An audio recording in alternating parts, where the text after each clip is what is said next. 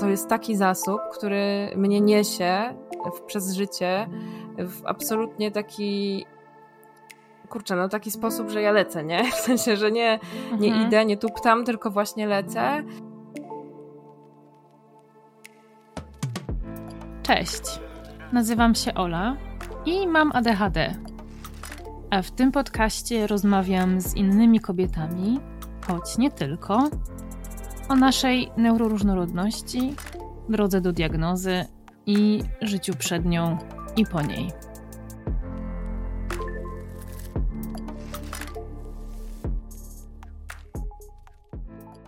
Mimo, że w tym odcinku sporo będzie, jak zwykle zresztą, o trudnościach wynikających z ADHD, to tak naprawdę punktem wyjścia do dzisiejszej rozmowy były raczej te pozytywne jego aspekty.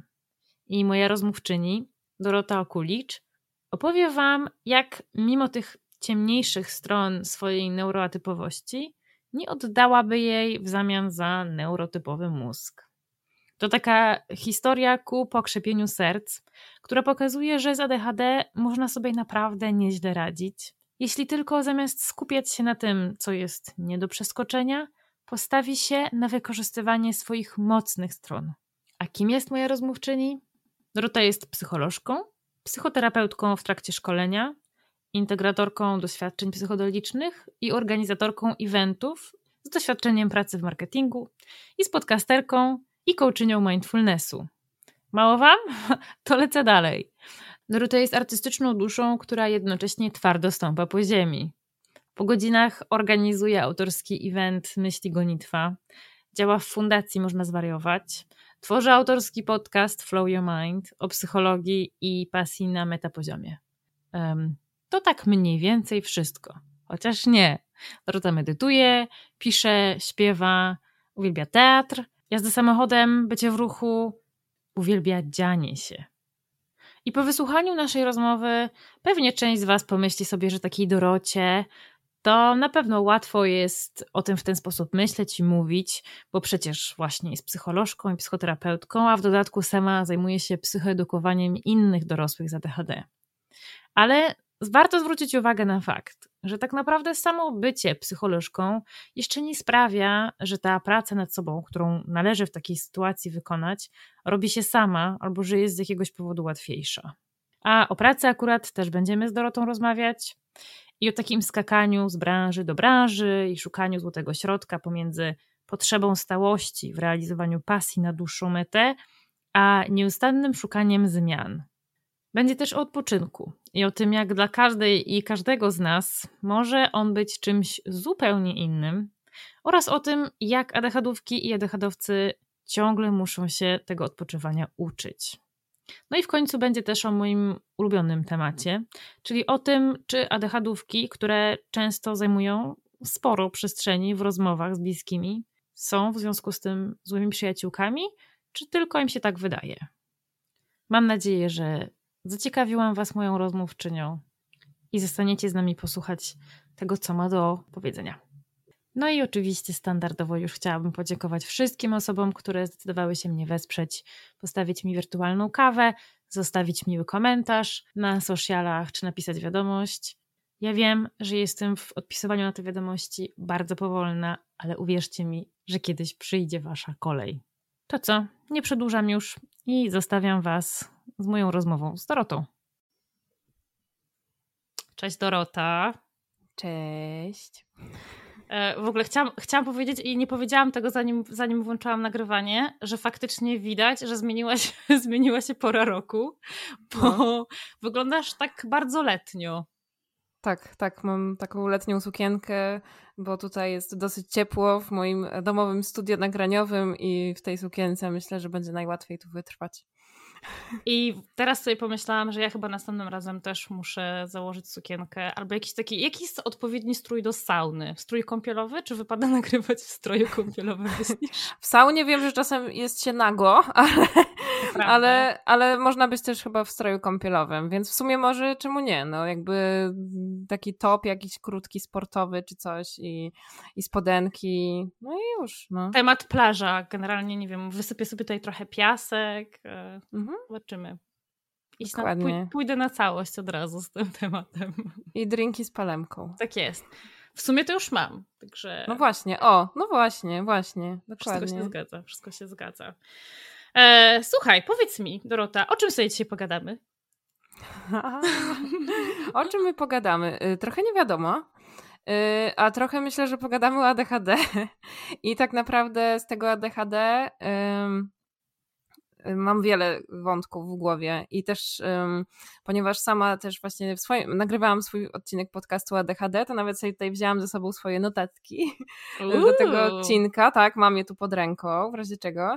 E, I no i też jakby ten temat gdzieś tam mam trochę rozkminiony ze sobą, więc myślę, że no trochę mogę poopowiadać na temat swojego doświadczenia życia z tym ADHD i też tego, jak to się jak to się w ogóle zmienia, w sensie, że ta świadomość e, jest na jakimś poziomie, a potem nagle dostrzegam coś jeszcze i jeszcze i jeszcze i jeszcze i o takim procesie może, e, jak to, jak ta świadomość się właśnie pogłębia na przykład i jak dostrzegamy kolejne rzeczy, niekoniecznie miłe, niekoniecznie przyjemne, takie konstatacje to też są.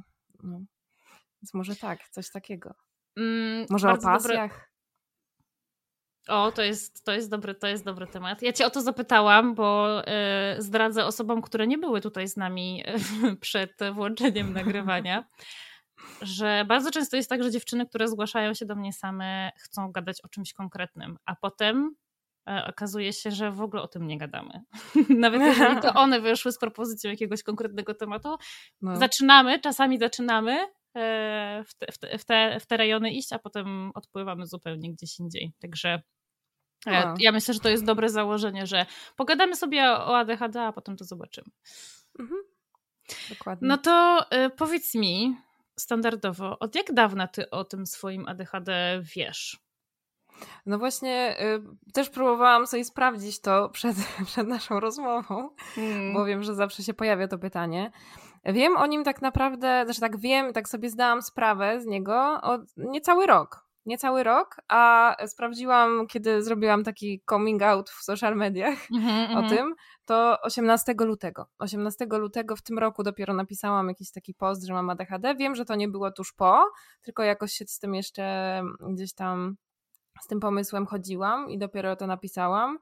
Yy, później też był podcast, właśnie mój o ADHD, i to też był już taki, takie opowiedzenie tej historii właściwie, yy, z czym ja to jem, akurat w moim przypadku. Yy, ale tak, to było ileś miesięcy temu i oczywiście, znaczy ja jestem w ogóle psycholożką, psychoterapeutką od niedawna też i jakby i faktycznie to gdzieś tam wraz z tym też po, poszerzaniem wiedzy w tych tematach po prostu intensywnym bardzo, no to ja, ja gdzieś tak sobie zdam sprawę, o kurczę, ja mam ADHD, bo wcześniej miałam też różne takie rozkminy i też pytałam moją, e, moją psychiatrkę na przykład o to, czy, czy ja przypadkiem nie mam dwubiegunówki, bo yy, leczę się na depresję yy, od kilku lat i, i mam jakby, w, jak, jak, epizody się powiedzmy, byłam na lekach i, e, i epizody depresyjne się trochę wyciszały, ja wracałam do takiego normalnego funkcjonowania powiedzmy, to miałam takie momenty, że myślałam, że jestem właśnie w jakiejś takiej hipomanii, bo czułam, że naprawdę mm. mogę wszystko. E, bardzo często mam to uczucie, jak jadę samochodem. Tak po prostu jadę jeszcze na jakieś spotkanie, które jest super ciekawe, o jakimś nowym projekcie, albo nawet nie nowym, ale nie wiem, o nowym evencie w, w tym samym projekcie, co do tej pory jadę na to spotkanie i czuję wow, ale super w ogóle i teraz o, to się na pewno uda i w ogóle jak wrócę z tego spotkania, to jeszcze zrobię to, to, to i to i po prostu takie poczucie jakiejś mocy ogromnej, nie? No i no i razem z tą, z tą moją psychiatrką, znaczy ona tak naprawdę jakoś tam jej opowiadałam o tym i o tych swoich wątpliwościach. Ona stwierdziła, że raczej, że raczej to nie to, że nie, nie, nie. Nie podpowiedziała mi, że może ADHD. Y, sama do niej przyszłam później y, po iluś miesiącach z tym pomysłem bo gdzieś tam mm, no właśnie to odkryłam już to faktycznie to może rok, to może ponad rok nawet jakoś te, te, te myśli mi chodzą po głowie, w sensie myśli, w sensie ta, jakby było to olśnienie, ta żaróweczka się zapaliła nad głową taka mm, jak w kreskówce. Yy, I tak, no jakby sama gdzieś tam do tego doszłam i potem z tą moją psychiatrką to skonsultowałam. Ona chyba nie za bardzo w tym temacie się gdzieś tam obraca, bo powiedziała, że. No. Tak, to jest naprawdę też y, super ważne, żeby trafić na specjalistę, który, który ten temat ogarnia. bo no naprawdę jakby jest, no, ja rozumiem, że się specjalizują też lekarze, czy psychiatrzy właśnie, czy na przykład E, nie wiem, terapeuci w różnych takich obszarach mają swoje wąskie obszary specjalizacji, no ale gdzieś tam wiadomo też, no tej wiedzy jest wiadomo coraz więcej, ale mm. o ADHD dobrze, że się teraz tyle mówi, to myślę, że to dociera jednak też szerzej, także dla specjalistów, ale moja lekarka akurat nie poczułam, że, że jest w tym temacie jakoś super obeznana mhm. i w związku z tym ona tak mnie odesłała, powiedziała to w takim razie pójdź najpierw do jakiegoś diagnosty, zrób tą diwę, a potem przyjdź do mnie z tym wynikiem y, za ileś tam miesięcy, w sumie nie tak, że nie wiem, w sumie to prawie za, no chyba ponad pół roku miałam czekać. Ja jeszcze jestem w tej fazie czekania, ale trochę też teraz y, no, pracuję też w takiej klinice, w której też są psychiatrzy i mogę z nimi to też skonsultować. Mhm. Oni, w tych, oni w tym temacie, znaczy my się w ogóle obracamy trochę w tym temacie, mamy dużo pacjentów też takich y, właśnie i za DHD, i za SD, więc gdzieś tam w tym temacie się obracamy, a ja sama się też w tym temacie wyspecjalizowałam, ale nie wiem, czy od razu o tym mówić, czy na, na, na, może chwilę później, może na razie jeszcze ten temat diagnozy, tak żeby tak nie skakać po tych stu dygresjach od razu. To, e, to skakanie po dygresjach i tak jest nieuniknione, więc. E, e, ale tak, zostańmy na razie jeszcze trochę przy. Bo ja, wiesz co? Ja się wczoraj zastanawiałam, mhm. jak często. Chciałabym, żeby ktoś przeprowadził jakieś badania takie solidne um, no. w, tej, w tym temacie. Jak często to jest wspólne doświadczenie dla kobiet? Po pierwsze, najpierw wieloletnia depresja, taka bardzo mhm. oporna na leczenie, powracająca, po drugie, właśnie albo podejrzenie hadu, albo diagnoza. Mhm. I zastanawiam się, kiedy wreszcie psychiatrzy będą mieli takie awakening i taki moment, mhm. że, że, że zaczną takie osoby, zwłaszcza kobiety, badać pod kątem ADHD. Że jeżeli wiesz, jeżeli jest depresja, która trwa już jakiś czas, jeżeli jest jakieś podejrzenie może jakiegoś innego zaburzenia, to może warto by się jednak temu ADHD przyjrzeć. No, no jakoś ym, kurczę. Tak sobie myślę, że po prostu to jeszcze idzie jakimiś albo falami i te fale omywają po prostu nie, nie, całą, nie cały rynek psychiatryczny i psychoterapeutyczny w Polsce, tylko mówimy o Polsce teraz, tak? No. Tylko jakoś tak kawałkami i po prostu obszarami. I hmm. ja też już wiem, że funkcjonuję w takiej bańce, nie? No właśnie, ja pracowałam przez jakiś czas w takim centrum, które się specjalizuje właśnie w psychoedukacji osób z ADHD i też w diagnozowaniu y, osób dorosłych, dzieci również, tak, ale mhm. osób dorosłych.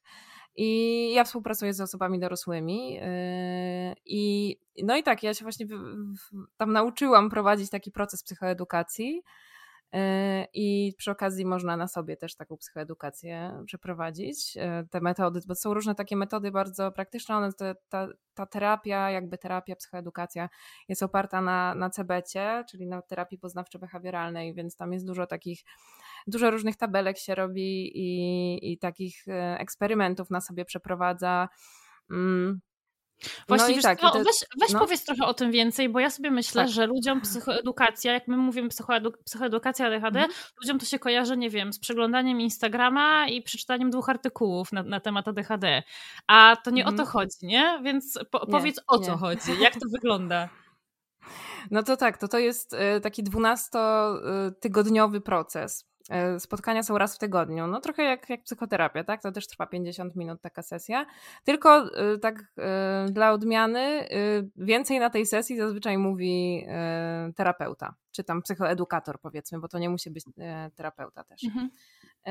I jest ba bardzo dużo wiedzy takiej też teoretycznej na temat w ogóle ADHD E, na temat no, tych różnych e, objawów, różnych aspektów funkcjonowania z ADHD, na temat tej impulsywności, jak ona się może objawiać, a jak można sobie z nią na przykład właśnie radzić, e, na temat, nie wiem, planowania, tak? Jest bardzo dużo takich modułów poświęconych na no na planowanie, tak, na przykład, na pracę z kalendarzem, bo nie wszyscy w ogóle, ma, znaczy ja na przykład mam kalendarz od lat, ale nie wszyscy mają kalendarz, albo na przykład nie wszystko tam wpisują, albo mają albo mają i w ogóle nie to... wpisują.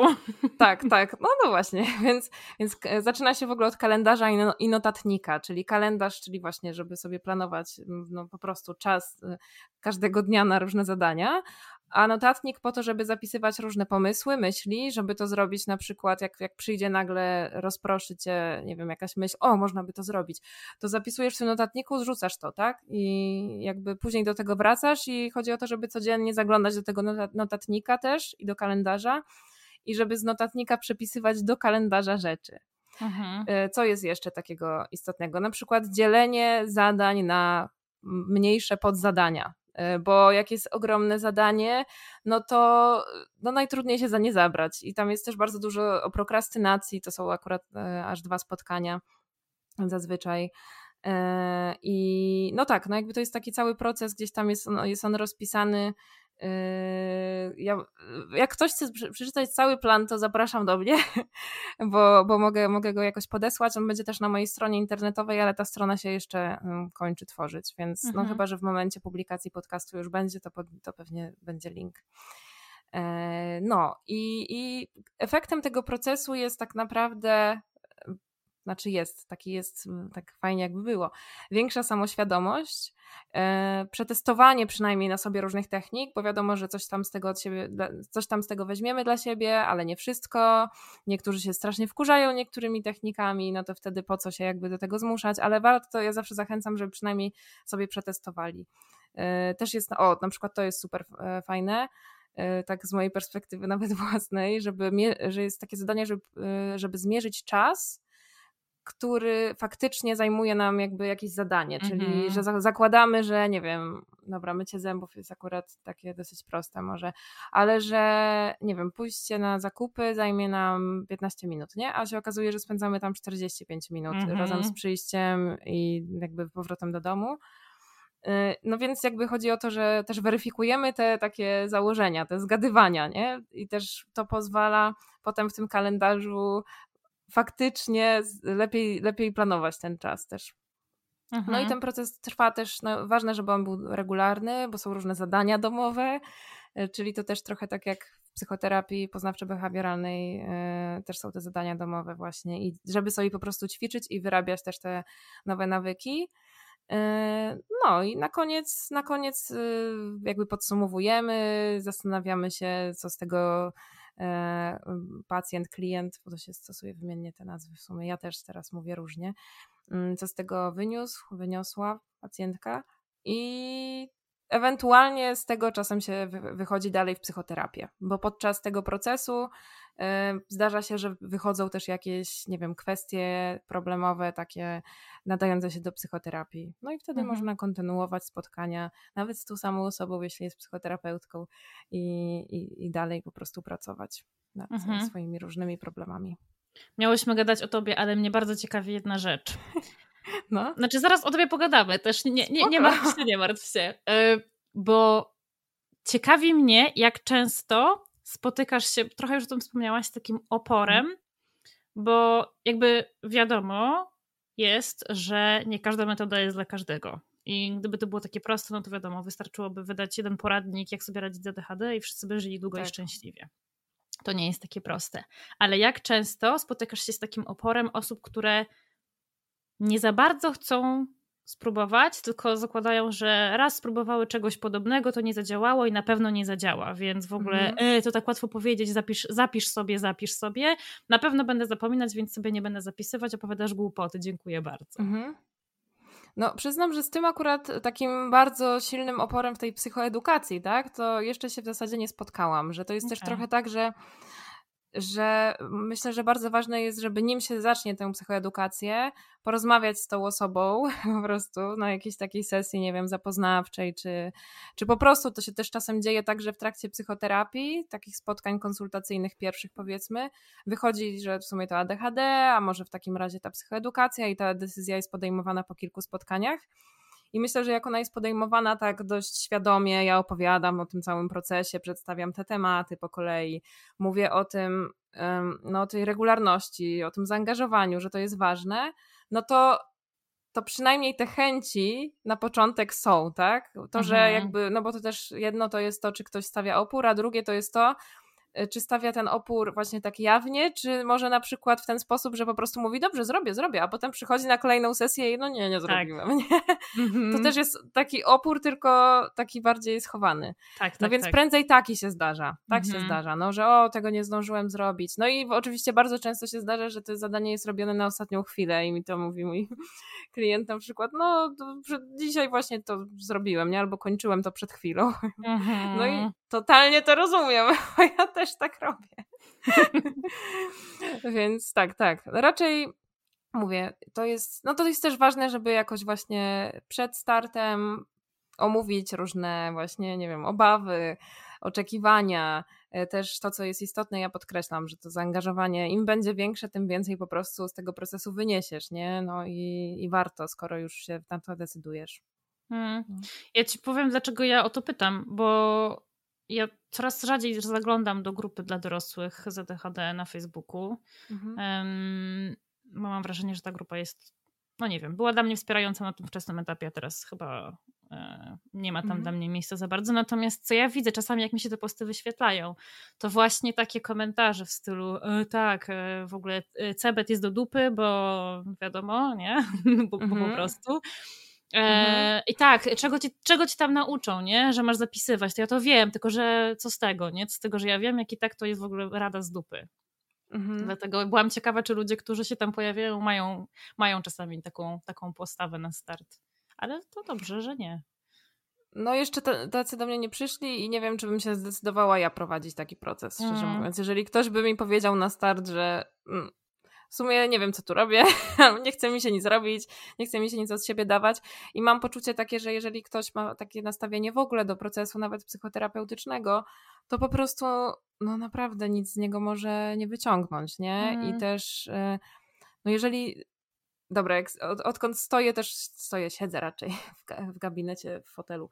Po drugiej stronie to widzę, jak wiele tak naprawdę zależy od e, klienta, pacjenta, a nie no od tak. terapeuty. W sensie od terapeuty oczywiście też, jakby on tam musi spełnić swoją rolę, ale jeżeli pacjent, klient nie da, nie da spełnić tej roli, to po prostu nic się nie wydarzy, naprawdę. Albo się wydarzy bardzo mało, albo wszyscy wyjdą sfrustrowani i, i naprawdę to jest tak super istotne, żeby wejść tak na pełnej w ten proces. Ja pamiętam, jak byłam w swojej psychoterapii, to też miałam kilka podejść i wiem teraz też z tej perspektywy, teraz w sumie mi to przyszło do głowy dopiero w tym momencie, że, yy, że faktycznie rozumiem już, czemu wcześniejsze procesy mi nie pomagały, w ogóle jakby były, były takim ślizganiem się po powierzchni, coś tam pogadaliśmy, pogadałyśmy i okej, okay.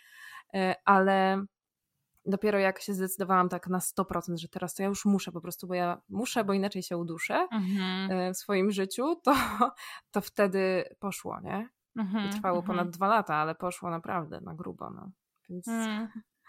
To jest super ważne, to zaangażowanie, tak? W Totalnie. do tego oporu. Totalnie. Wiesz co, ja, no. jestem, ja jestem w ogóle coachenią w trakcie certyfikacji i mhm. zaraz e, zaczynam kolejną szkołę coachingu już tak konkretnie pod e, coaching ADHD. I, I to jest no, dokładnie, ta sama, dokładnie ta sama zasada y, obowiązuje w, w coachingu, mhm. nie? bo generalnie w coachingu jest tak, że my wychodzimy z założenia, że to, że to osoba, która do ciebie przychodzi, twój klient jest osobą w pełni zasobów i to, i to ona zna wszystkie odpowiedzi na, pytanie, na, na pytania, tak. których szuka.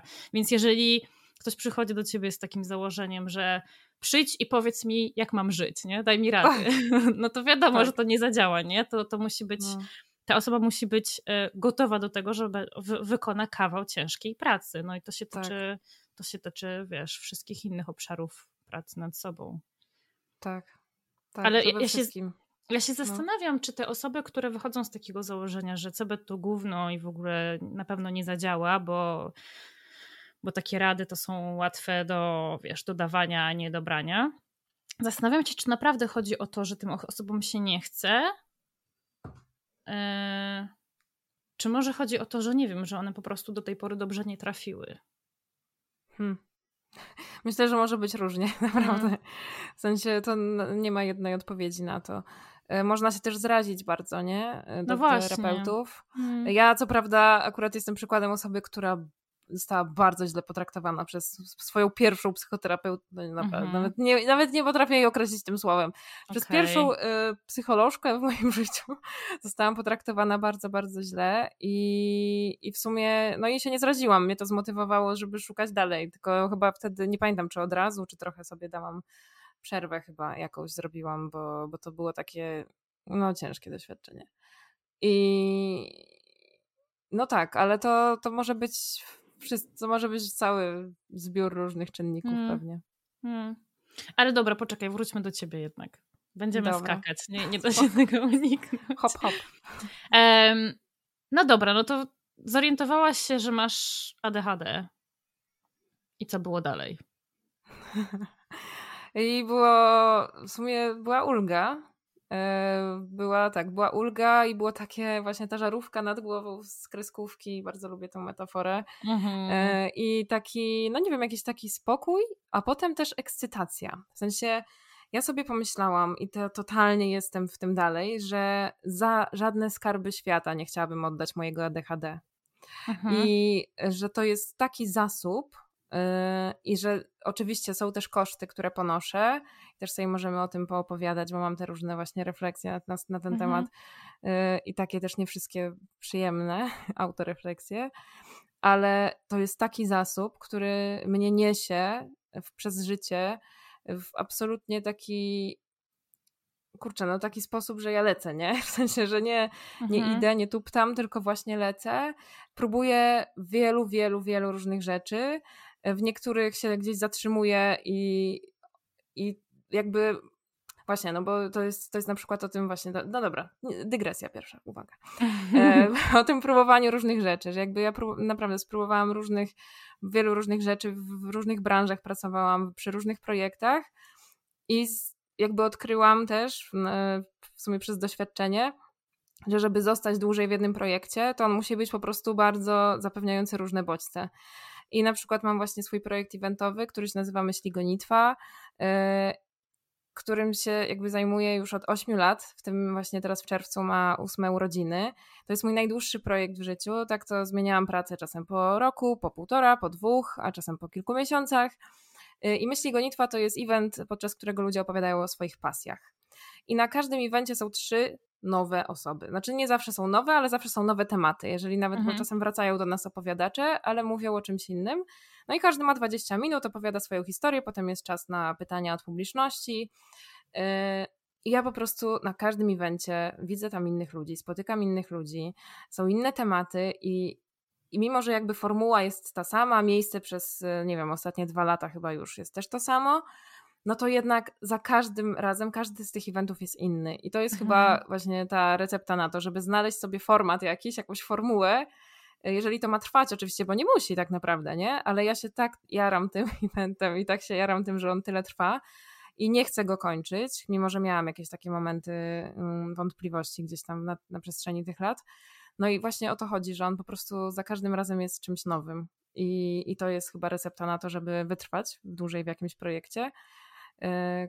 Trzeba sobie coś takiego po prostu gdzieś wymyślić, nie? Ale zawodowo, no to ja właśnie branżę od marketingu, właśnie poprzez eventy, mm, teraz właśnie psychoterapia, e, integracja doświadczeń psychodelicznych, tym też się zajmuję, tym się super e, jakby od paru lat, nie wiem, nie wiem od dwóch lat czy coś jakby się zaczęłam tym interesować mhm. w ogóle psychodelikami i ich potencjałem właśnie e, też terapeutycznym. No i teraz właśnie pracuję w klinice ketaminowej, e, pierwszej w Polsce, tym się też super jaram, bo jest to, jest to mega ciekawa praca.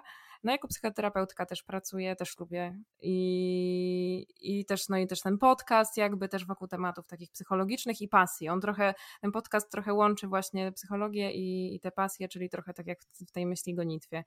No i gdzieś tam te obszary tak się przenikają, trochę tak falują, coś tam odchodzi, coś tu przychodzi, ale mm. generalnie czuję, że jestem w takim punkcie swojego życia, że dużo lepiej już wiem, w co chcę inwestować, mm -hmm. że um, na razie, znaczy jakby właśnie, bo wiedzenie, a robienie to jest trochę co innego, więc ja już wiem, mam du dużo lepiej wiem, jakbym chciała to wszystko poukładać, ale jeszcze jestem w trakcie układania i zmieniania, wybierania. Bardzo trudno mi żegnać niektóre rzeczy, ale też próbuję z, z tym jakoś pracować. I tak, i to jest chyba taki najciekawszy moment, kiedy już wiem, co, y, jeszcze nie wiem do końca jak, ale że już jakby wiem po prostu, w sensie, że, że wiem na ten moment, dokąd chcę zmierzać. Mhm. Oczywiście. Oczywiście wiem też, że to się będzie zmieniało i to jest też super ekscytujące, ale właśnie ta ekscytacja i jednocześnie jakaś taka, taka teraz mam taką po prostu pewność i takie poczucie, że w końcu, aha, czyli jest coś takiego jak powołanie jednak. Bo ja myślałam, że nie, że po prostu mam powołanie do robienia stu różnych rzeczy. Mhm. No, ale czuję, że jednak są takie obszary, które naprawdę mnie spełniają. I ostatnio doszłam do takiego punktu, że już wiem, co mogłabym odłożyć, a i nadal czuć się tak samo spełniona. Mhm, mhm. To jest super o. moment. A miałaś kiedyś tak. takie poczucie, że kurczę, że chciałabyś jednak tak jak e, ta mityczna większość społeczeństwa, że po prostu mieć tę jedną pracę, iść w jednym konkretnym kierunku, mhm. nie rozmieniać się na drobne? Czy zupełnie nigdy takie myśli ci nie nachodziły? Um, jak tu odpowiedzieć? Bo w sumie z jednej strony ja pracowałam też etatowo przez parę lat, ale zawsze miałam jakieś projekty poboczne. Mm-hmm, mm-hmm. jakieś wolontariaty, które stawały się drugim etatem. No to o tym w, wpadaniu na ściany z nadmiaru obowiązków też mogę dużo mówić, ale yy, tak, miałam, taki, miałam takie myśli, że kurczę, jestem, ja jestem często zmęczona przeskakiwaniem między różnymi yy, jakby typami pracy. Teraz szczególnie, bo teraz łączę jeszcze marketing z yy, psychologią, psychoterapią jeszcze jakieś takie biznesowe mam projekty trochę i jeszcze, jeszcze ten podcast po godzinach, jeszcze tutaj te eventy też, no jakby jest bardzo dużo różnej pracy i na samym początku jak zaczynałam pracować w psychoterapii, to czasem używałam słowa kampania albo tak prawie, bo po prostu chwilę wcześniej robiłam kampanię, nie? Mm-hmm. I to było straszne, potem mój umysł się już nauczył przeskakiwać, tak jakby trochę jestem teraz terapeutką, a teraz marketingowcem, okej. Okay. I lecę z tym, ale czuję, jak dużo mnie to kosztuje. Mhm. Przeskakiwanie. To jest strasznie męczące i sobie myślę, jak mam takie dni, że robię tylko jeden rodzaj pracy, to, to jestem mniej zmęczona po prostu. Nawet jeśli to jest 6 godzin psychoterapii z no, rzędu. No, no to jak sobie radzisz z tym zmęczeniem? Bo to nie jest łatwe, a my jesteśmy raczej generalnie kiepskie w odpoczywanie, nie? Mhm. No i tutaj właśnie dotykamy takiego obszaru bardzo y, ciężkiego. Nie no, y, tak. To jest tak, że ja faktycznie mam wrażenie, że jestem cały czas w przedszkolu, jeśli chodzi o naukę. Mm, odpo znaczy odpoczywania, też jakby jak to nazwać, może na nau naukę nie, nie brania na siebie za dużo. Mm -hmm, może mm -hmm. tak, bo, bo odpoczywać czasem potrafię, Chociaż ostatnio mam faktycznie tak dużo na głowie, że, że jak odpoczywam, to muszę albo wyjść i się z kimś spotkać, i to jest mój odpoczynek, i faktycznie to jest odpoczynek dla mnie. Yy, albo, nie wiem, zrobić sobie drzemkę, Y, albo właśnie, nie wiem, pomedytować i to są takie przestrzenie dla mnie, a bardzo rzadko daję sobie na przykład czas na taki odpoczynek, że sobie, nie wiem, oglądam serial na przykład. Znaczy, no ostatnio obejrzałam jeden odcinek, także oklaski. Y, ale, ale tak, ostatnio jest mi, jest mi jakoś szczególnie trudno. No chodzę też na spacery z psem, więc nie wiem, na przykład muszę mieć trochę jakiś taki pretekst, nie? Mhm. Jakbym sobie nie mogła pozwolić na to, że po prostu się kładę i leżę i na przykład po prostu patrzę się w ścianę, nie? Albo nie wiem, no przez okno nawet. Czy nie wiem, leżę i głaszczę mojego psa. Mm, tylko, że muszę coś e, mimo wszystko zrobić, albo właśnie, żeby to było jakieś spotkanie. I jest to, jak to o tym teraz mówię, to jest mi trochę smutno, bo czuję, że po prostu czasem mam takie okresy, że już, że już jest lepiej, już się uczę tego odpoczynku, a potem sobie dowalam coś nowego, albo, albo po prostu, nie wiem, kończą się wakacje i zaczyna i wracają, nie wiem, eventy e, na przykład i, i wtedy nagle to zaburza się ta równowaga, że ta równowaga, którą, żeby ją wypracować, to zajmuje mi ogrom czasu i energii, tak. a żeby się rozwaliła, chwila, po prostu moment i znowu jest y, rozpierdziel i po prostu znowu nie mam, nie mam jakby, y, nie daję sobie sama przestrzeni na odpoczynek bo mam poczucie, że cały czas coś mam jeszcze do zrobienia, jeszcze to mam do zrobienia, jeszcze to do zrobienia. Na pewno jest dużo trudniej, jak się właśnie nie pracuje na etacie, no ale ja nie pracuję na etacie ponad 5 lat i ostatnio jest gorzej niż było kiedyś, bo wtedy mm. pracowałam, wtedy robiłam tylko marketing, nie? I widzę, że jak, że jakby właśnie, więc jak robię jedną rzecz, znaczy ja wtedy też robiłam nadal eventy, więc jakby nigdy, nigdy nie, nie, robię, nie miałam nie jednej pracy. Hmm. Tak, nigdy nie miałam tak, że miałam pracę i wracam do domu i już mam wolny czas. Nigdy tak nie było w moim życiu. Um, no więc um, to ja mówiłam, że że jak pracowałam w jednej branży, to było, to było mi łatwiej zarządzać też czasem, było mi łatwiej kończyć tę pracę e, i, i odpoczywać po niej, robić jakieś rzeczy po prostu też, no, no nawet taki właśnie zwykły odpoczynek, nie? Powiedzmy, czyli to leżenie po prostu albo siedzenie w spokoju przez jakiś czas. Mm. No, a teraz, teraz jest mi znowu trudniej i po prostu mierzę się ze sobą samą i mam nadzieję, że gdzieś tam za jakiś czas mi się uda. Też sobie zaplanowałam trochę wyjazdów wakacyjnych i siłą rzeczy one też są dla mnie tym pretekstem do, do robienia mniej.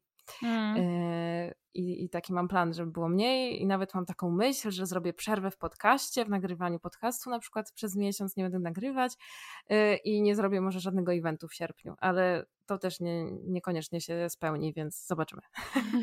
Ambitny plan, ale właśnie, plan, planowanie. Planujesz odpoczynek, czy, czy po prostu lecisz na żywioł i, i wiesz, i jeśli, jeśli jest na to przestrzeń, to jest, a jeśli nie ma, to trudno. Y, jeśli chodzi o, o te spotkania, to planuję.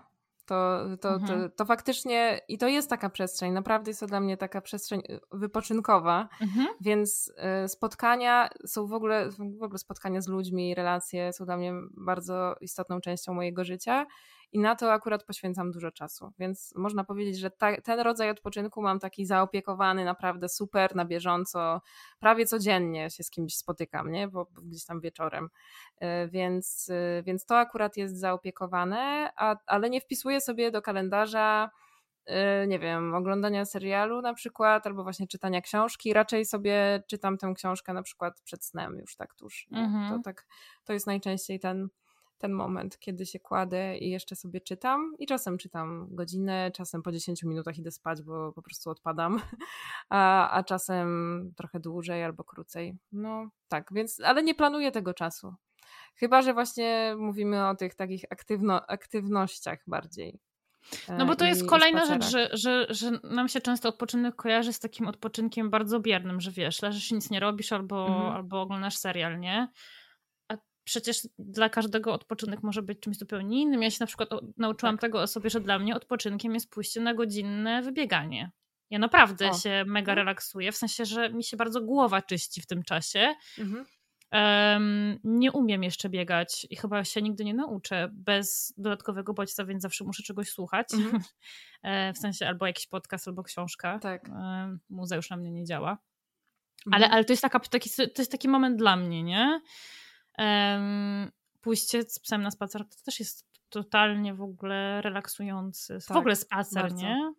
Mhm. Um, więc no, ja myślę, że czasami nam się wydaje, że nie odpoczywamy, a potem jakby tak mhm. pozbierać te takie, te takie momenty, które mamy dla siebie w ciągu dnia, to jest tego całkiem sporo. Ja na przykład siedzę w wannie godzinami czasami nawet.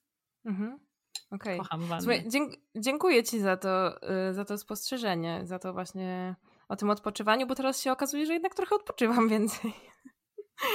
No, no tak, tak, bo też e, na przykład no, czasem pędzę na ten spacer i jest krótszy, ale zdarza mi się, że po prostu no, jak, jak, najczęściej mi się zdarza tak naprawdę i staram się, żeby tak było, żeby te spacery były czasem nawet takie, no, nie wiem, no godziny, żeby połazić mhm. chociaż, no. I, I dalej sobie idę teraz, jak jest w ogóle cieplej i jest zielono, bo ja mieszkam na Ursynowie w Warszawie i jest po prostu mm, no jest tu bardzo zielono, w tej takiej starszej części mieszkam, więc jest po prostu jakby całe osiedle jest jednym ogromnym parkiem. Mhm. E, w którym rosną drzewa i bloki z wielkiej płyty. I, I tak, właśnie super się tutaj po prostu chodzi, nie? Można chodzić, kółka albo gdzieś tam po prostu różnymi uliczkami.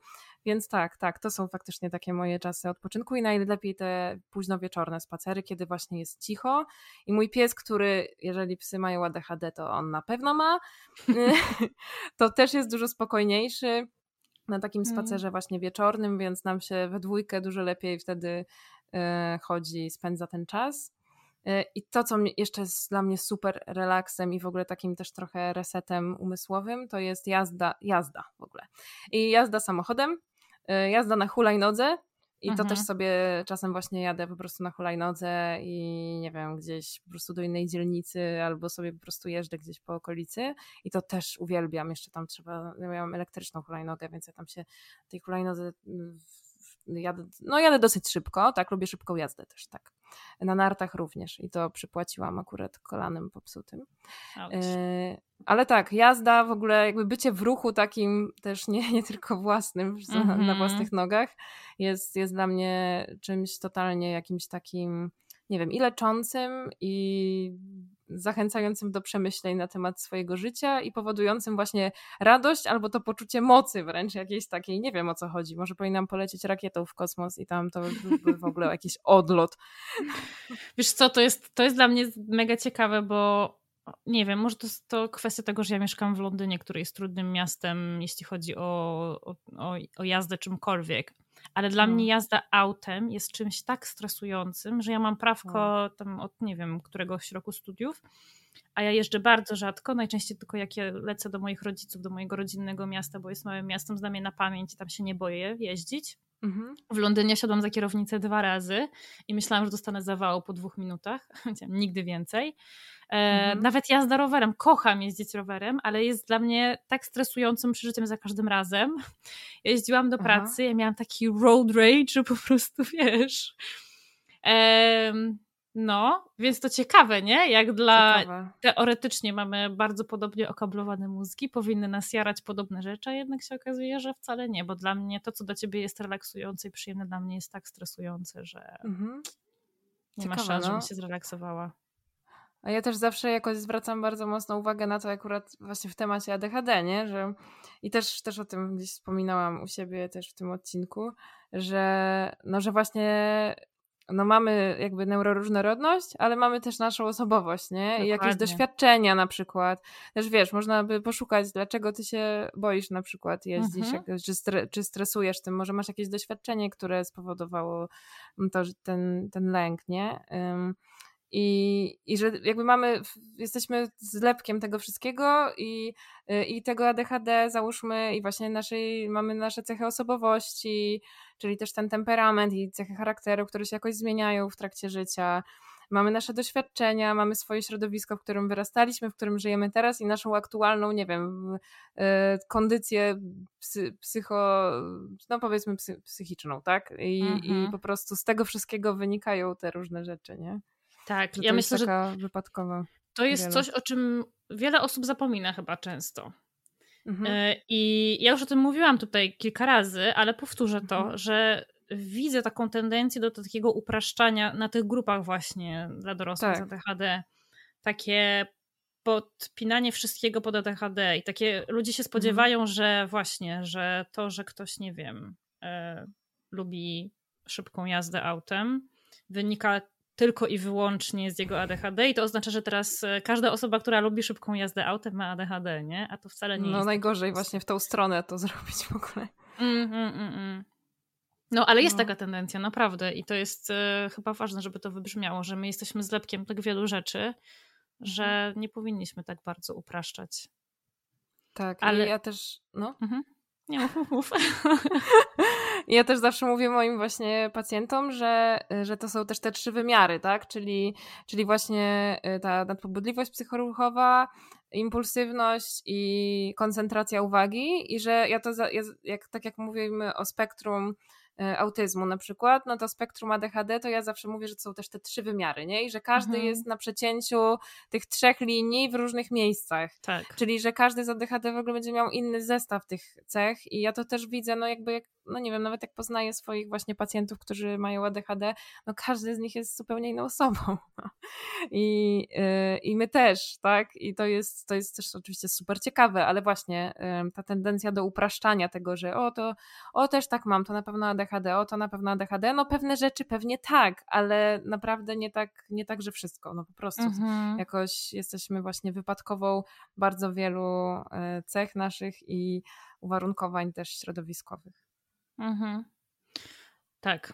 Um, ale wiesz co, chciałabym wrócić do tych trudności, mhm. bo to też jest taka kolejna rzecz, że mam wrażenie, że coraz częściej, jakby im więcej powstaje profili samorzeczniczych, podcastów i im więcej się mówi ADHD, tym częściej widzę taką, taki sprzeciw wobec tego, że pokazuje się tylko jedną stronę, tylko, czyli tę stronę osób, mhm. które sobie dają radę, nie? Albo te, mhm.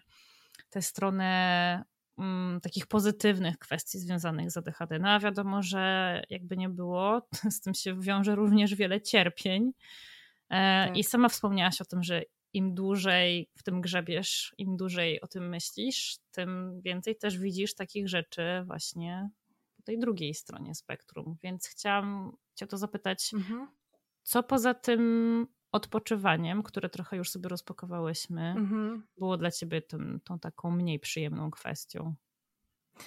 No, w moim przypadku ja mam taką bardzo Myślę, że mam akurat tę właśnie nadpobudliwość psychoruchową, często dosyć dużą, też impulsywność, w ogóle jakby tam wysokie wyniki na tych skalach wszystkich, ale, ale takim, um, o, jak mówię o czymś, czym się jaram, co jest dla mnie ważne, mhm. to bardzo się nakręcam. E, I to tak i głosowo, i gestami, e, i, i też po prostu jakby staje się taką ścianą e, opowieści. I to taką ścianą, no ścianą, która właśnie napiera, mm-hmm. a nie ma uszu też za bardzo i nie widzi jak ktoś, ej, halo, ja tutaj też jestem, hello. Mm-hmm. No i, i właśnie na przykład y, to, nie, że, że ja po prostu tak się nakręcam swoją opowieścią, tak zajmuję przestrzeń sobą i swoją historią, że czasem pod, nie wiem, po godzinie gadania, albo nie wiem, może nawet więcej, bo oczywiście nie mam poczucia czasu, no to, to nagle się zatrzymuje i, i nie wiem, już spotkanie powinno, powinniśmy już wracać, bo już jest późno, a ja tak, ej, no ale to co u ciebie? No i czuję się z tym okropnie. Czuję wtedy, że właśnie ja zagarnęłam całą przestrzeń, a nie dałam jej drugiej osobie. I mimo, że ja tę osobę bardzo lubię na przykład i jestem ciekawa, co u niej. I, I totalnie nie mam złych intencji, tylko po prostu kurde, no gdzieś mi się uciekło z, z głowy, że jeszcze warto byłoby tutaj tę osobę też zapytać, co u niej i w ogóle ja chcę się dowiedzieć, co u niej, nie? Mm. Więc to jest takie, to jest strasznie smutne tak naprawdę. Jak teraz o tym mówię, to tak trochę śmieszkuję, ale generalnie jest to bardzo takie smutne. Ja się z tym czuję mm, niefajnie. A ktoś ci zwraca e. na to uwagę, czy to była jakaś twoja autorefleksja? No właśnie, raczej autorefleksja. I to jest, e, znaczy parę razy usłyszałam coś, tak? Usłyszałam, że, ale raczej, raczej słyszałam takie rzeczy, że jestem głośna i to akurat słyszałam od mojej koleżanki um, spektrum autyzmu. No tak. której, okay. to, której to niewątpliwie e, czasem ta moja ekspresja przeszkadza, tak? Ale to jakby, jakby wiemy, już znamy się od tam ponad 10 lat. Y, I aczkolwiek diagnozy mamy od niedawna obydwie, więc, więc, mhm. więc to też jest tak, że wcześniej tego nie było wiadomo, tak e, w sposób w pełni świadomy. Mm, tak, więc raczej słyszę na przykład o tym, że, że głośno strasznie, że głośno się śmieje, albo że na przykład to też są też, tak naprawdę te rzeczy mają też swoje pozytywne, jakieś takie czy zabawne aspekty, no bo czasem się zdarza, że gdzieś się umawiam z, z kimś w jakimś miejscu, no i była taka sytuacja, że z kimś rozmawiałam i się zaśmiałam po prostu, nie? I był, było strasznie głośno, to było, to było w barze studio i był tłum i, i koleżanka usłyszała po śmiechu, gdzie ja siedzę.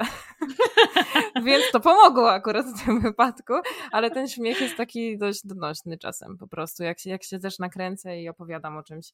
Tutaj sięgam do swoich notatek, bo bo mam wypisane wady, w cudzysłów to biorę teraz, nie, nie, mm. no tak, na nagraniu widać, ale na dźwiękowym nie, nie słychać, e, że właśnie też e, tak, to takie bo, bo ta gadatliwość to też jest takie, no właśnie, to potrafi być bardzo przy, przytłaczające dla innych, bo ja faktycznie jestem i głośna i, i przejmuję tę przestrzeń. Też y, czasem y, kończę za kogoś właśnie zdanie, bo jakby dopowiadam, aha, to, tak? I, I to też jest, to też potrafi być, myślę, wkurzające, ale tak, większość tych rzeczy to ja sama myślę o sobie i to ciekawe, bo mam też takie doświadczenie, że moi właśnie pacjenci też mówią raczej, o, ja myślę, że właśnie wtedy to przesadziłem, nie? A ja pytam, no, ale ktoś ci to powiedział? No nie. No i jakby ale okej, okay, jakby moim zdaniem autorefleksja też jest istotna, nie zawsze też ktoś powie, będzie tak. miał odwagę na przykład powiedzieć, ej, wkurzasz mnie tym zachowaniem. No, czasem to są sygnały jakieś takie niewerbalne, nie? Właśnie, nie? I my je odbieramy i też trochę nieświadomie do końca, gdzieś tam od, z poziomu trzewi i, i też warto o tym zawsze myśleć, moim zdaniem. Hmm. Y, I ja, mi na tym zależy, żeby dawać więcej przestrzeni innym i czasem mi się udaje, a czasem właśnie niestety y, no nie. Y, to wiesz co, no. zanim, zanim sięgniesz do następnej rzeczy, ja ci tak powiem teraz, bo może komuś to pomoże, może z kimś to zarezonuje. Mhm. Ja na przykład miałam taki moment w swoim życiu, kiedy zdałam sobie sprawę z tego, że zajmuję dużo przestrzeni w czasie rozmowy i że właśnie czasami. No ja, ja, ja słyszałam całe życie, e, że jestem mhm. głośna i że mnie wszędzie pełno i że generalnie, że, okay. że zajmuję tej przestrzeni dużo. Więc ja sobie tak bardzo to zinternalizowałam, że był taki moment, że ja po prostu się wycofywa, wycofywałam i na przykład byłam w stanie się spotkać z moją przyjaciółką, której nie widziałam tam, wiesz, parę miesięcy. I ja jej po prostu oddawałam stery w rozmowie. Mhm. Ona mogła się wygadać. Ona gadała całą godzinę. Ja nawet nie zdążyłam powiedzieć, wiesz, co u mnie. Bo ja tak bardzo się bałam tego, że mhm. zajmę tej przestrzeni za dużo, że wolałam jej nie zajmować w ogóle. Mhm. I, I to był taki moment, no. kiedy ja w ogóle miałam takie. Ja się zastanawiałam nad tym, czy ja przypadkiem nie mam jakichś zaburzeń narcystycznych. Wiesz, w momencie, mhm. kiedy ja sobie zdałam sprawę z tego, nie? Że, że tak dużo gadam i że wiesz, myślę sobie, czy mnie nie interesuje to, co się dzieje u tej drugiej osoby, czy o co tu chodzi, nie? Um, no, także to są czasami takie nieprzyjemne miejsca, w które zaglądamy, jak zaczynamy się nad tym zastanawiać. Mhm. Mam pewną myśl, ale chcę mhm. powiedzieć jeszcze o jednej bardzo ważnej takiej, powiedzmy, przypadłości negatywnej, mhm. która ona jest chyba najbardziej taka. Tak, teraz sobie myślę, że o niej słyszałam też parę razy. Mhm. Że ja czasem nie pamiętam rzeczy, które mi ktoś mówi. O, totalnie. No. Że i to takich nawet ważnych, nie? Mhm. I na przykład zdarza mi się drugi raz zareagować entuzjastycznie na jakąś tak. informację i mówi, ale przecież już ci mówiłam, a ja tak, o kurde. I po prostu czuję się, jakbym. No tak, to jest chyba, to jest chyba jeszcze gorsze. W sensie, że ja nie pamiętam czegoś, co jest ważne dla drugiej mhm. osoby. Tak. I mojej dobrej znajomej na przykład i po prostu tak, i wtedy jest mi cholernie głupio i przepraszam i mówię, no kurde, no nie pamiętam, no ale to właśnie też może, ja oczywiście y, łączę to właśnie z tym poziomem pobudzenia, że jak ono jest takie wysokie i sama się bodźcuje i na przykład ktoś mi wtedy coś powie, to kurde, pff, jakby nie ma opcji, żeby to wpadło w ogóle do pamięci. Hmm. Też... Jedyna sytuacja, w której zawsze jakieś, tak się z tego trochę też tłumaczę, że jak robię event na przykład i ktoś chce się ze mną umówić na jakąś albo pogadać, o to pogadamy może, bo wpadnę na twój event. Ja mówię, nie, nie, nie, w ogóle jakby nie ma opcji. Ja wtedy mam głowę w tylu miejscach naraz, że ja nic nie zapamiętam, ale ja czasem nie tylko na eventach mam, tak, tylko właśnie, nie wiem, na jakichś nawet imprezach, nie, czy na jakichś właśnie spotkaniach z większą liczbą ludzi. Mhm no to gdzieś tam po prostu nie przyswajam tych niektórych danych, albo nie wiem, tracę je po drodze i to jest tak, to jest też takie, to chyba mnie jeszcze bardziej tak teraz boli, że, że to Mam to zdarza. samo. Mam to samo no. i ja na przykład przez to myślałam przez długi czas, że jestem złą przyjaciółką. No właśnie, to takie się myśli mogą pojawiać. Ja też mm. myślę o sobie wtedy, że, że ja, no, że ja po prostu jakoś, nie wiem, no to nie mm, no nie obchodzi mnie w takim razie ta mhm. druga osoba, jest tak mhm. tak nieważna, no, no nie, prawda? Gdzieś czuję, że, że jest ważna, mhm. no ale też czuję, że tym krzywdzę po prostu tą drugą osobę i to jest chyba takie, o Jezu, no. No i dobra, i znowu to samo pytanie, ale czy ktoś kiedyś tak o tobie pomyślał, że jesteś złą przyjaciółką, że ci nie zależy, że nie słuchasz? Mm. Nie, ale raz ktoś miał do mnie pretensje o to, że czegoś ważnego nie pamiętam, chociaż uważam, że to akurat nie był taki przypadek, może jakiś. Tak, ale no były takie pretensje. No. Mhm. Więc to gdzieś tam do mnie, że tak powiem, dociera, nie? No i mhm. przede wszystkim reakcja, ej, już ci to mówiłam, no to mhm, naprawdę. Mhm. Przepraszam, no na, naprawdę, kurde, nie wiem, po prostu, no tak, to jest, to jest, to jest smutne. Ale, Ale tłumaczysz, miał, no. tłumaczysz czasami ludziom, że no kurczę, że to nie są twoje, że brak twojej chęci, tylko że to naprawdę jest po prostu twoje ADHD i to, że twój mózg działa tak, jak działa? Mhm. Czy, czy, czy już nie musisz, bo ludzie to wiedzą, albo wiedzą, ale, ale zapominają? Mhm. No właśnie, może za mało o tym mówię. Ja chyba, ja chyba mam tak, że ja się nie chcę tłumaczyć, ja nie lubię usprawiedliwiania siebie, nie? Aha. E, że po prostu to ode mnie zależy przecież jak to będzie, nie? Ode mnie zależy, czy ja będę z tym pracować, czy ja będę bardziej uważna, coś tam, coś tam. No i medytuję na przykład, nie? No więc może moja uważność jakoś yy, jest wyższa niż mogłaby być, tak? Yy, ale, ale tak, no nie, nie lubię się usprawiedliwiać chyba, więc, więc nie mówię raczej takich rzeczy. Aczkolwiek teraz rozważam, że może następnym razem, jak mi się to zdarzy, to powiem. Bo to jest kolejna rzecz. Ja mam wrażenie, że my często mamy takie poczucie, że nie chcemy używać tego ADHD jako wymówki, więc nie używamy go w ogóle. A to nie chodzi o to, że mm, to ma coś usprawiedliwiać, to po prostu wiele tak. tłumaczy, tak. nie? Tak, tak, tak, wiem. Wiem, wiem, wiem, jasne, jasne. Tylko po prostu to jest jakaś taka moja tendencja, nie? Do... Ale ja mam dokładnie tak samo. jakaś taka nadodpowiedzialność po prostu, mhm. nie? No. Tak, tak. No. Ja mam to najbardziej chyba w pracy w ogóle, wiesz? Że ja się boję, tak? że jak tego użyję, to ludzie będą myśleć, że ja tego używam jako jakiejś takiej broni przeciwko Aha. nim, że wiesz, właśnie o, znowu przyszła się tłumaczy, że, że czegoś nie może, bo to ADHD, nie? Okay. No. A to ja właśnie chyba najbardziej w tych e, bliskich relacjach jakoś, bo, bo ja czasem mówię, że coś tam ADHD, hashtag ADHD, mhm. ale, ale to tak raczej w takich, no tak, raczej w takich właśnie prywatnych, ale no tak, ale to, to, to jest trudne jakby w, ta, w takiej sytuacji mm, w tej konkretnej na przykład, nie? W tym przypadku, mm. że ja się czuję wtedy na tyle, mam takie poczucie winy, że jakoś, nie wiem, chyba też mi brakuje wtedy po prostu języka w gębie, nie? Że po prostu tak robię, tak mnie zasysa do środka z tego z wstydu też, nie? Mm. Oj, no. wstyd to jest w ogóle coś takiego, co nam bardzo często towarzyszy, nie? Mm, tak, bo o, no odpierdalałam i teraz, o kurde, co ja tutaj, co to za cyrk był w ogóle, no, tak. A masz jakieś takie wspomnienia, że ten wstyd ci towarzyszył często jako małej dziewczynce już? Właśnie to jest ta myśl, która mi przyszła chwilę temu, jak mówiłaś, mhm. Że zawsze słyszałaś, że było ciebie pełno wszędzie. Ja jako dziecko byłam właśnie totalnie inna. Y, byłam cicha, y, byłam. Mm, w przedszkolu siedziałam w kąciku zazwyczaj, sama. No, byłam takim, no, takim cichym, smutnym, przestraszonym dzieckiem. Wstydliwym też, o bardzo, bardzo, bardzo. Mm.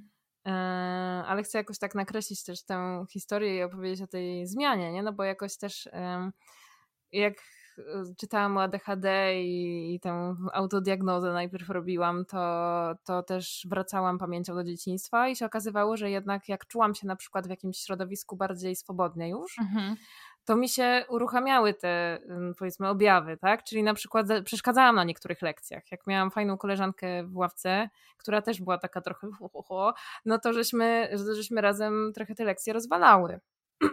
Ale to było, to było jakby w specjalnych warunkach, takich musiałam się czuć mm -hmm. faktycznie e, bezpiecznie.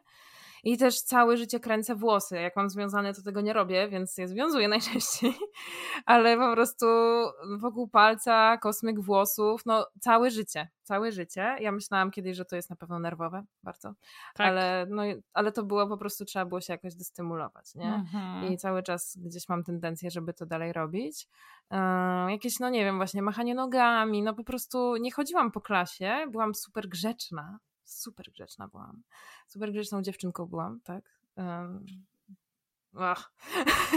I, y, ale, jednak, y, ale jednak coś tam czasem po prostu, nie wiem, bawiłam się piórnikiem. No cały czas coś musiałam robić z rękami. Pamiętam, że wyginałam sobie palce. Y, no strasznie dziwne rzeczy i i czekaj, jakie było pytanie? O wstydzie, Bo, czy towarzyszył ci jako małej dziewczynce? Mhm. Tak, towarzyszył, ale myślę, że nie z powodu moich zachowań związanych z ADHD. Że to było okay. coś innego. Bo po prostu miałam taką historię rodzinną, dosyć e, obciążającą mnie przez moje, no tak naprawdę całe życie, ale, mhm. ale też, ale w dzieciństwie po prostu miałam dużo mniej zasobów, żeby sobie z tym jakoś radzić e, mhm. i, i nie za bardzo wsparcie też e, ze strony bliskich mi osób, bo one tego jakoś nie ogarniały i no ja po prostu myślę, że, bo tak sobie właśnie myślałam, ale jak to, ja nie miałam ADHD jako dziecko, mm. dopiero teraz.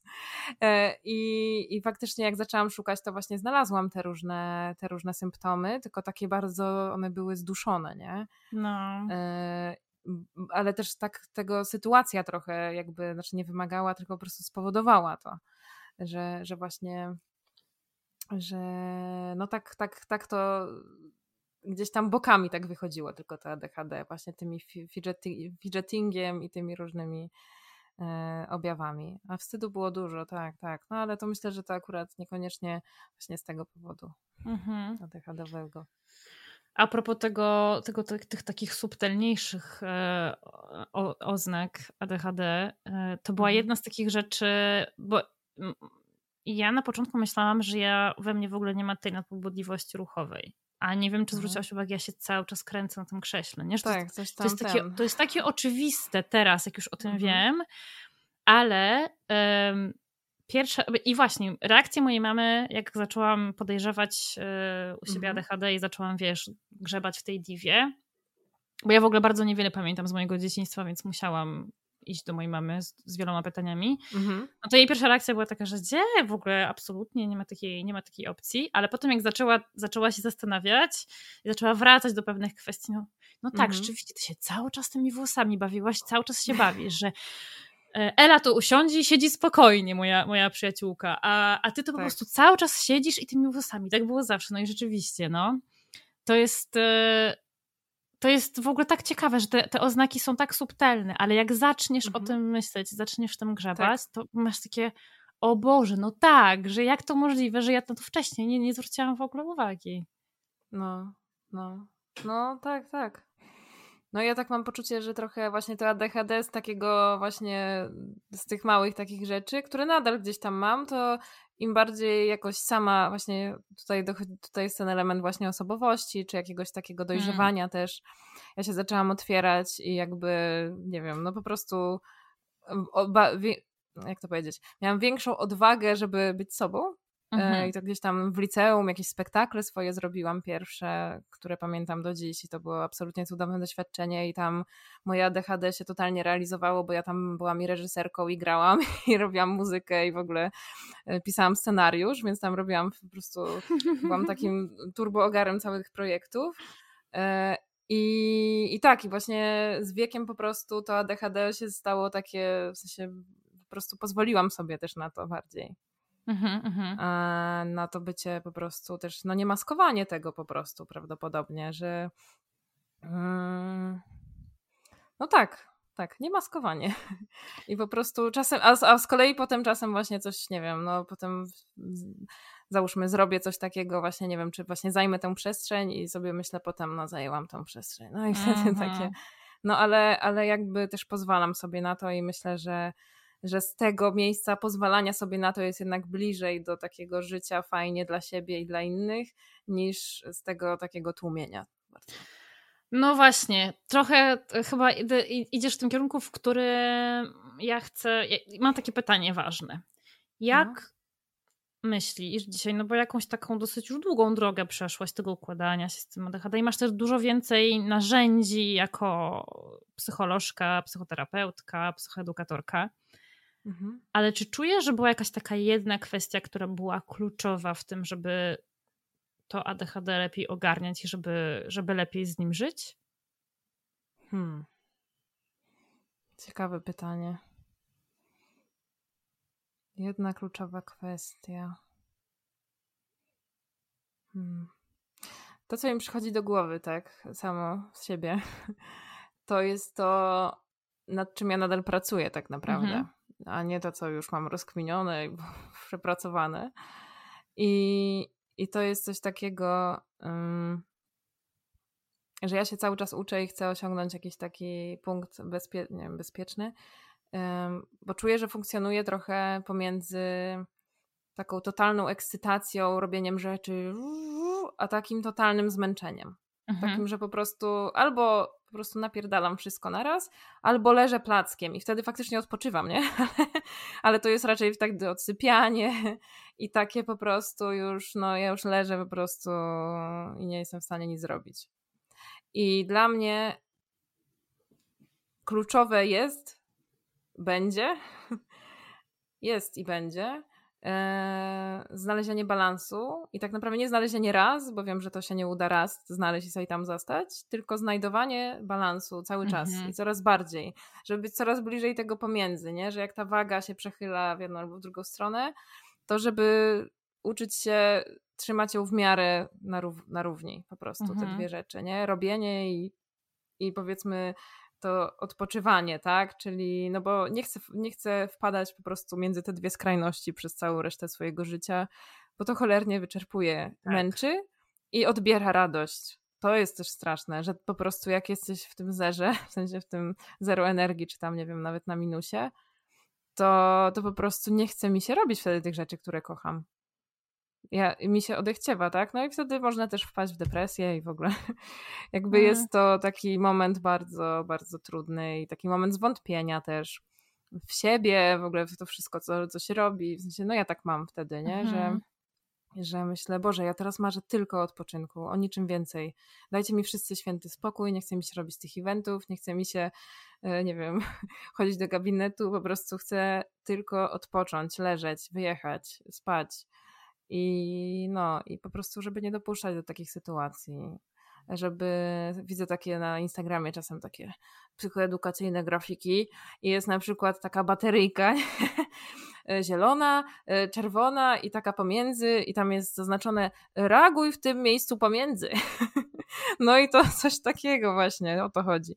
Chciałabym, e, znaczy myślę, że mi się to udaje już czasem, ale chciałabym jeszcze lepiej to czuć jakoś i tak yy, i nauczyć się też nie brać na siebie super atrakcyjnych projektów, które przychodzą, bo one przychodzą naprawdę. Im więcej się robi fajnych rzeczy, tym więcej fajnych propozycji przychodzi i cholernie trudne jest odmawianie i właśnie też szacowanie, tu znowu tutaj do tej psychoedukacji można wrócić, do tego szacowania czasu. Mm-hmm, że mm-hmm. żeby sobie oszacować czas faktycznie, ej zobacz, no ile masz wolnego czasu w tym tygo- w tygodniu, nie? Jeżeli to byś miała jeszcze wziąć, no nie mam już, no to, no to chyba prosta decyzja, nie? W ogóle nie ma tego procesu we mnie tak. myślowego, tylko jest, o super, dobra. No a potem ściana. To jak rozpoznawać ten moment, kiedy ta bateryjka jest na takim poziomie, że trzeba mhm. reagować?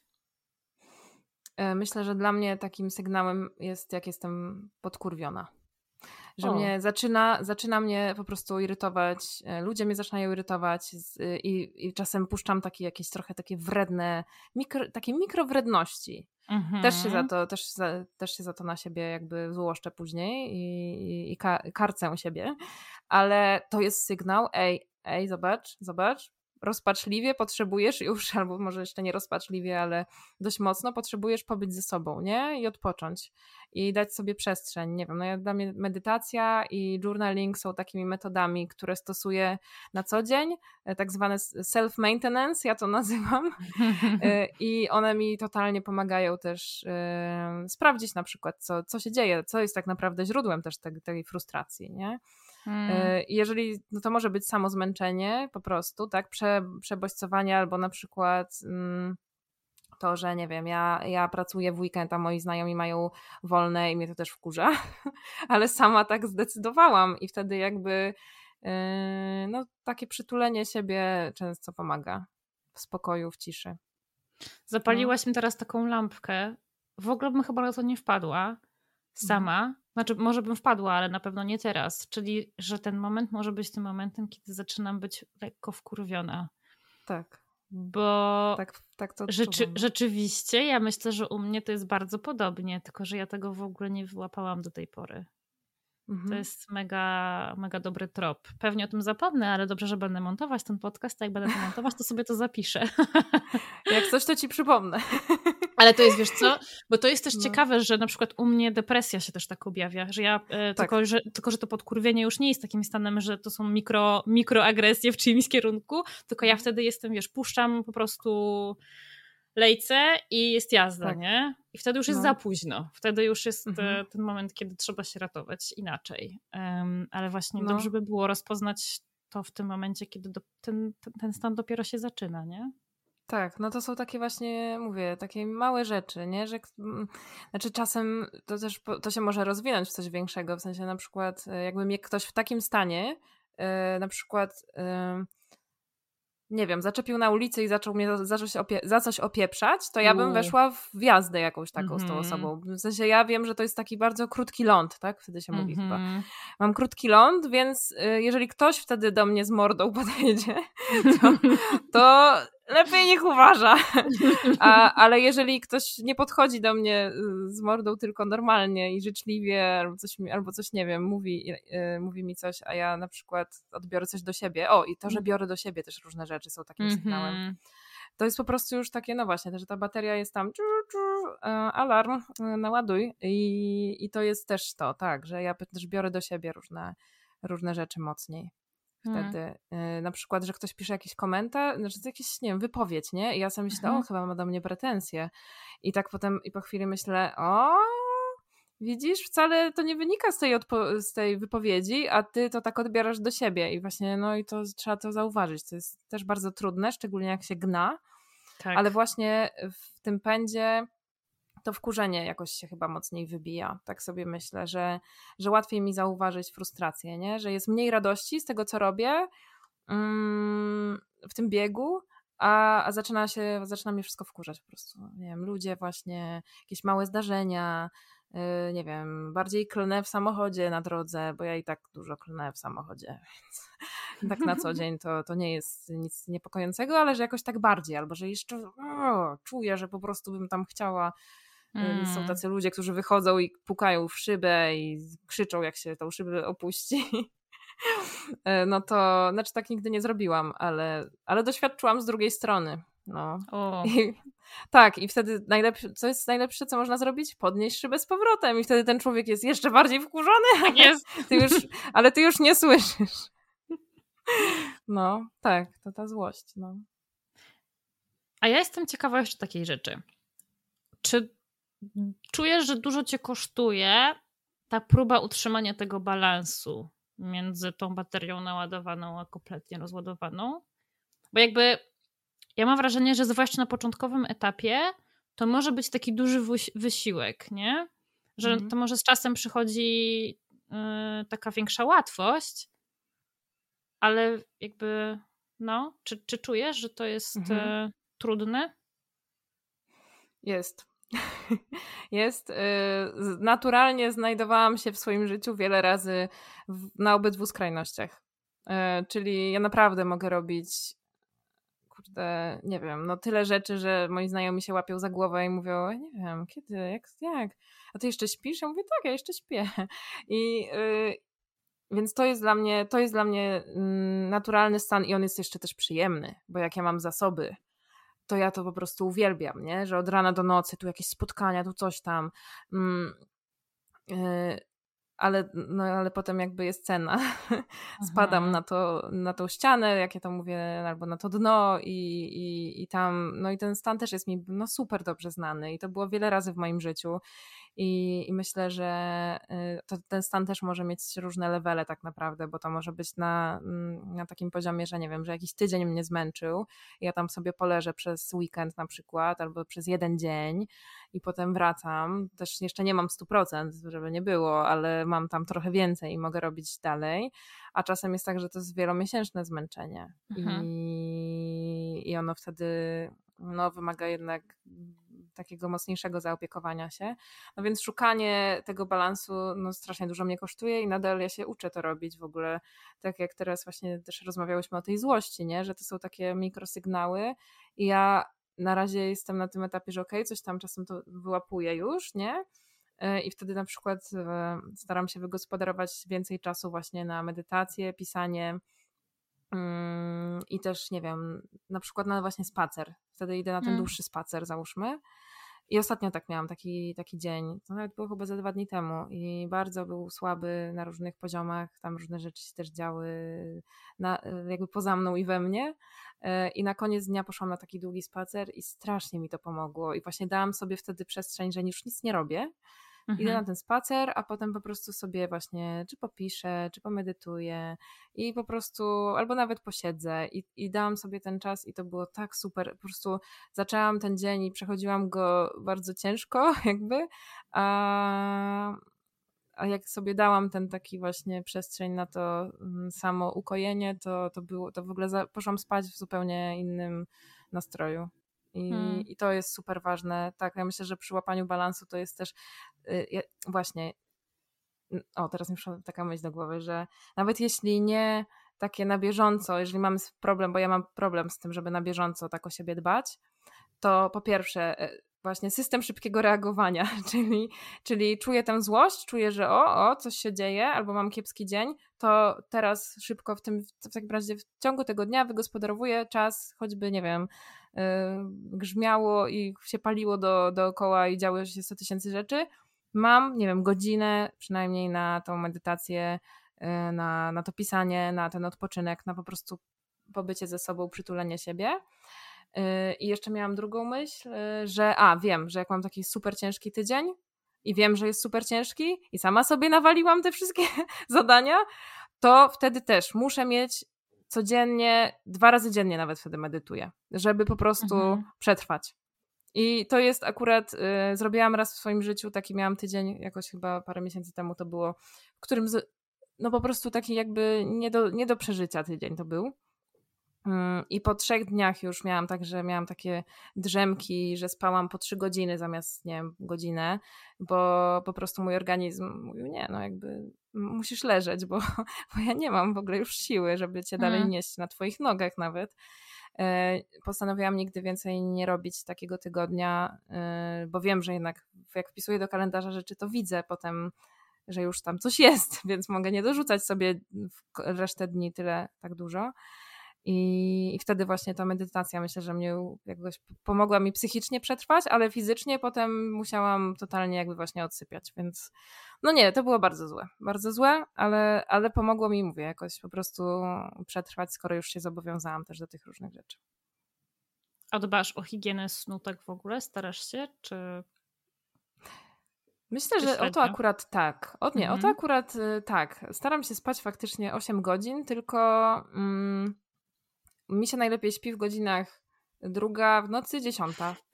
To, to, to jest mój najlepszy czas i mm. ostatnio staram się, też jest mi łatwiej, jak jest wiosna, lato, to, to raczej to potrzebuję trochę mniej snu, zazwyczaj tak mam. Mm -hmm. I no w stanie, nie wiem, pobudka o dziewiątej jest też zupełnie na luzie wtedy.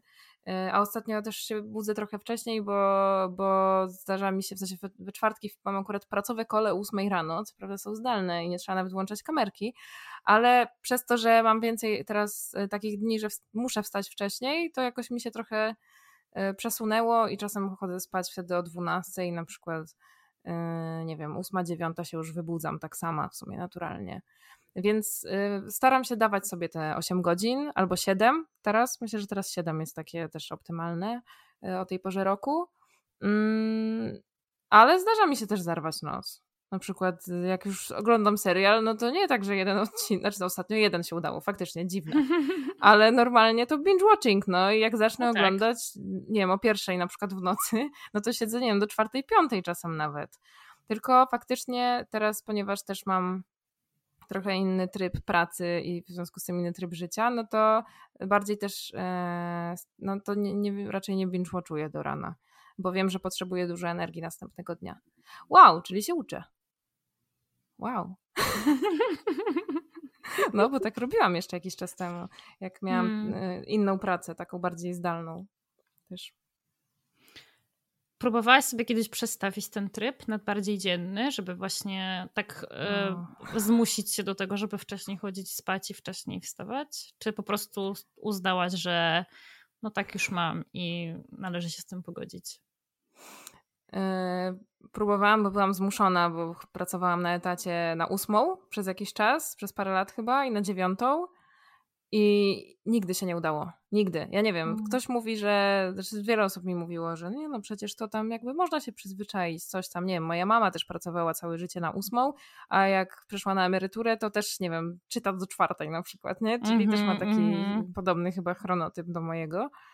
Y, a ja po prostu cierpiałam, naprawdę cierpiałam. Nie mogłam się, nie, nigdy się nie nauczyłam chodzić spać, nie, o 22 w ogóle nie ma opcji. Ja wtedy jestem w szczycie po prostu moich, mojego obudzenia, pobudzenia i mogę robić dużo rzeczy. Yy, I, I, nigdy się nie nauczyłam, więc ja po prostu byłam notorycznie niewyspana i leciałam na drzemkach też. Tak, I to tak naprawdę codziennie w zasadzie była drzemka po pracy, żeby coś jeszcze zrobić. I to było, i to było tak, że ja chodziłam spać, nie wiem, no, no wtedy nawet czasem o trzeciej, no o tej tam siódmej, ósmej to już wstawałam. Spóźniałam się też do pracy, do każdej pracy się spóźniałam. Tak y, po pół roku to już się spóźniałam przynajmniej pół godziny, czasem godzinę. Y, różnie tam było z reagowaniem na to, ale w sensie przełożonych, ale, y, no, ale robiłam swoją pracę i po godzinach, po godzinach też pracowałam przez wiele lat, bo taka byłam super zaangażowana. A to też jest takie nasze, nie? Zwłaszcza na początku nowej no. pracy mam wrażenie, jak e, jeszcze jest dopamina na wysokim poziomie. No i no tak i też i też myślę, że na początku w ogóle drogi zawodowej, ale to z kolei może nie ADHD, tylko bardziej taka samoświadomość trochę i też e, takie myślenie o tym, ej, w zasadzie płacą mi za to? Nie, to po co to robić? A wcześniej, nie no, zrobię, zrobię, zrobię, zrobię. To jest ważne e, dla świata na przykład. E, ale tak, w końcu jak zaczęłam pracować na dziesiątą, w którejś tam pracy, poczułam, wow, nie boli mnie głowa, nie ma tego bólu ćmiącego takiego. On był zawsze, co się z nim stało? No i się okazało, że właśnie ta jedna godzina potrafi zmienić nawet. No, mm. I wtedy, wtedy wróciłam do, do żywych, takich bardziej. A masz jakieś swoje metody na to, żeby właśnie tak e, się upewnić, że dbasz o tę higienę snu? Czy to ci przychodzi naturalnie? Myślę, że po prostu jak się czuję w sensie jak nie czuję senności w ciągu dnia i nie muszę nie muszę się wspierać jakąś dodatkową kawą albo, albo no nie wiem, jakimś tam energetykiem, co mi się też zdarza niestety, to, to wtedy. Bo ja zazwyczaj piję jedną kawę rano i lecę dalej cały dzień jakby na tej jednej kawie. No czasem nie wiem, gdzieś tam na jakimś spotkaniu wezmę kawę też drugą, ale, ale generalnie no nie, nie. Yy, Bierzesz Myślę, taki? że to jest to. E, nie, nie biorę w tym momencie żadnych leków, ale myślę o tym, żeby sięgnąć po Medikinet. Ale nie bierzesz w tym momencie w sensie, że nie, nie, nie brałaś w ogóle nigdy, czy od początku, czy brałaś i przestałaś? Brałam, brałam. Ja się leczyłam bardzo długo e, właśnie SSRI-ami na depresję. E, znaczy bardzo długo. To nie jest bardzo długo tak naprawdę, tylko kilka lat. Ale tak, miałam, miałam też nawroty, więc od dwóch miesięcy? Czekaj. No tak, kwiecień, maj, no to trzeci miesiąc powiedzmy się zaczyna, kiedy już nie biorę leków. Mhm. I... Ale chodziło mi, chodziło mi o leki na ADHD. No. Czy, czy brałaś A na ADHD? Mhm. To, to, to nie, nie, nie, nie, nie, nie. Nie, nie brałam jeszcze tak naprawdę. Właśnie to skąd, jeszcze... skąd ta myśl, żeby teraz jednak spróbować?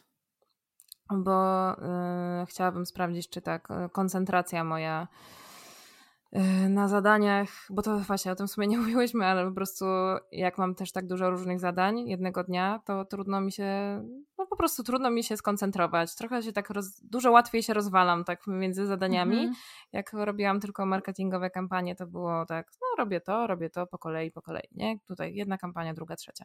A teraz po prostu naprawdę dużo trudniej mi jest e, się skupić na jakimś zadaniu. Jeszcze jak się dzieje coś na przykład ekscytującego, na przykład się okaże, że nie wiem, na evencie zapisało się już tysiąc osób, no to po prostu wow! I wtedy w tej euforii w ogóle nie mogę się skupić. Więc mm. przydałby mi się taki fokuser, taki teraz robisz tylko to, a potem tylko to, a potem tylko to. No więc mam nadzieję, że to, to mi jakoś faktycznie też pomoże. To myślę, że niedługo się wydarzy. I, i będę sobie testować i, i, może faktycznie mi to też pomoże ogarniać te, te wszystkie zadania po prostu jakoś sprawnie. Mm. No, to byłoby fajne. A wróćmy na chwilę do tej, do tej depresji, bo to jest jednak, e, no kurczę, to jest ważne, nie? Kiedy ty zaczęłaś się na nią leczyć? Jak dawno temu? No, to był 2019 rok. Yy, I to nie była moja pierwsza depresja, ale wtedy zaczęłam się leczyć farmakolo farmakologicznie, no bo jakby Eee, też mam tak, też mam podcast o depresji swój i też tam opowiadałam o moich depresjach, bo pierwsza według mnie była w liceum, e, tylko niezdiagnozowana zupełnie. No, mhm. e, a potem zaczęłam się leczyć w 2019 roku i to, e, to było tak tuż po takim no, bardzo trudnym rozstaniu. E, to był w sumie taki czynnik wyzwalający, plus, plus jeszcze jakieś tam inne rzeczy. E, no i, i tak, no i to wtedy było bardzo, bardzo ciężko. To był no też jakby ja nie wiedziałam trochę na początku, jak, w sensie jak tym mm, zawi zawiadować. W sensie bardzo długo też zwlekałam z pójściem do psychiatry.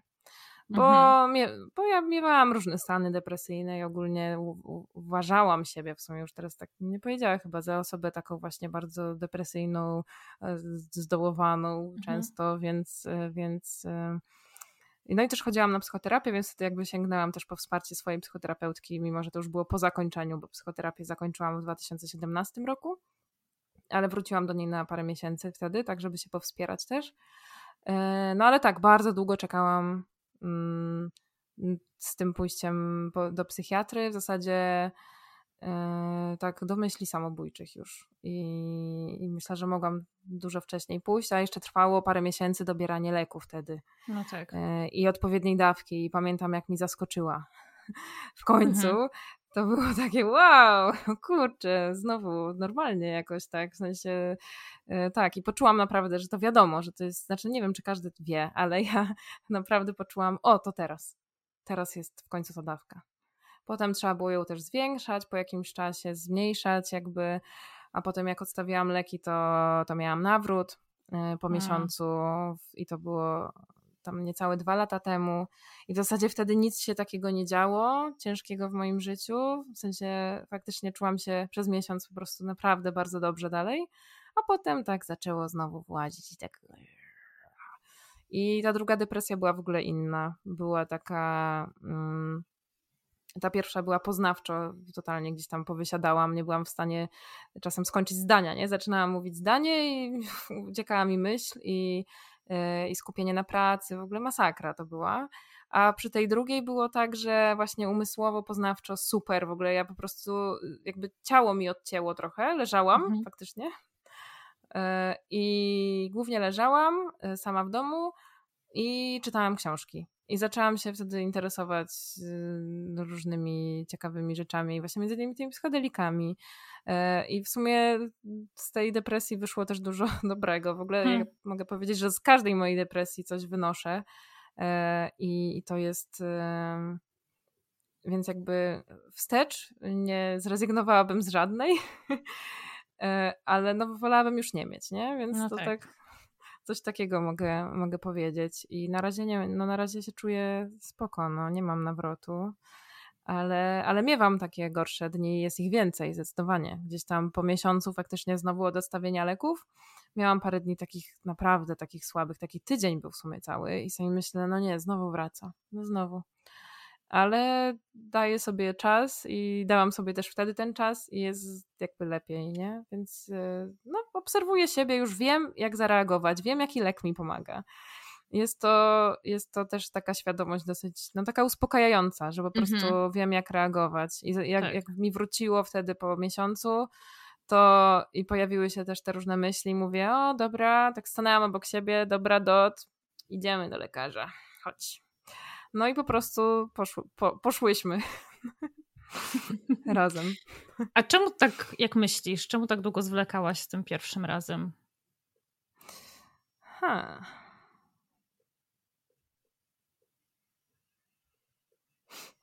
No, ciekawe. E, myślę sobie teraz, tak, pierwsza myśl, która mi przyszła do głowy, to to, że, no, że chciałam sobie sama z tym poradzić. No. E, oczywiście zawsze kurde, turbodzielna do wszystko po prostu ogarnę i ze wszystkim sobie poradzę i też z trudnymi rzeczami sama muszę sobie przecież poradzić, nie? No i, no i, i myślę, że też jak pierwszy raz, y, bo to ja, ja wcześniej nie brałam leków, nie? I, mhm. I to jest chyba też jakieś takie, o Boże, no jakoś zawsze sobie radziłam bez leków, były trudniejsze momenty, a teraz nagle mam sięgnąć po leki i w ogóle jakby czemu, nie? Y, I to, więc trochę o tym radzeniu sobie, a trochę chyba też um, nie, no myślę, że to jest głównie o radzeniu sobie tak naprawdę, bo nawet y, to nie tak, że ja się bałam farmakologii mm-hmm, bałam mm-hmm. się mhm. brać leki jako substancja jakaś, nie? Która, albo że się czasem, niektórzy się boją, że leki zmienią osobowość, to w ogóle tak, jakby nie, ja tak. wiedziałam, że to, to nie to, że to mi nie grozi, już tę wiedzę miałam, ale, ale tak, jakoś tak chciałam sobie poradzić bez tego, nie? Sama. To no. chyba wiele, wiele, wiele z nas tak ma. Wiele i wielu. Zwłaszcza no. wielu chyba, tak naprawdę. No, możliwe, możliwe. Tak, chociaż to też się zmienia. Naprawdę mam mm. wielu, y, też spotykam w gabinecie wielu mężczyzn, tak. I, I, jest ich chyba coraz więcej, i to też jakoś tak jest. E, no cieszę się w sumie. Mm, no mnie też to cieszy. Mnie też to cieszy. No, że sięgają po pomoc, przychodzą i też zresztą właśnie niedawno e, też w studio, e, w barze studio robiłam event właśnie o, o zdrowiu psychicznym facetów pod tytułem Czy on zwariował? Hmm. No, tak. Super, i mam wrażenie, też... że no. Mam wrażenie, nie, że to, że, że o tym gadamy na forum publicznym coraz, coraz częściej, że są mężczyźni, jacyś tacy, wiesz, um, znani i lubiani, którzy opowiadają o tym, że mhm. sami mają problemy ze zdrowiem psychicznym, to naprawdę pomaga, nie? Takie odczarowanie tak. tego.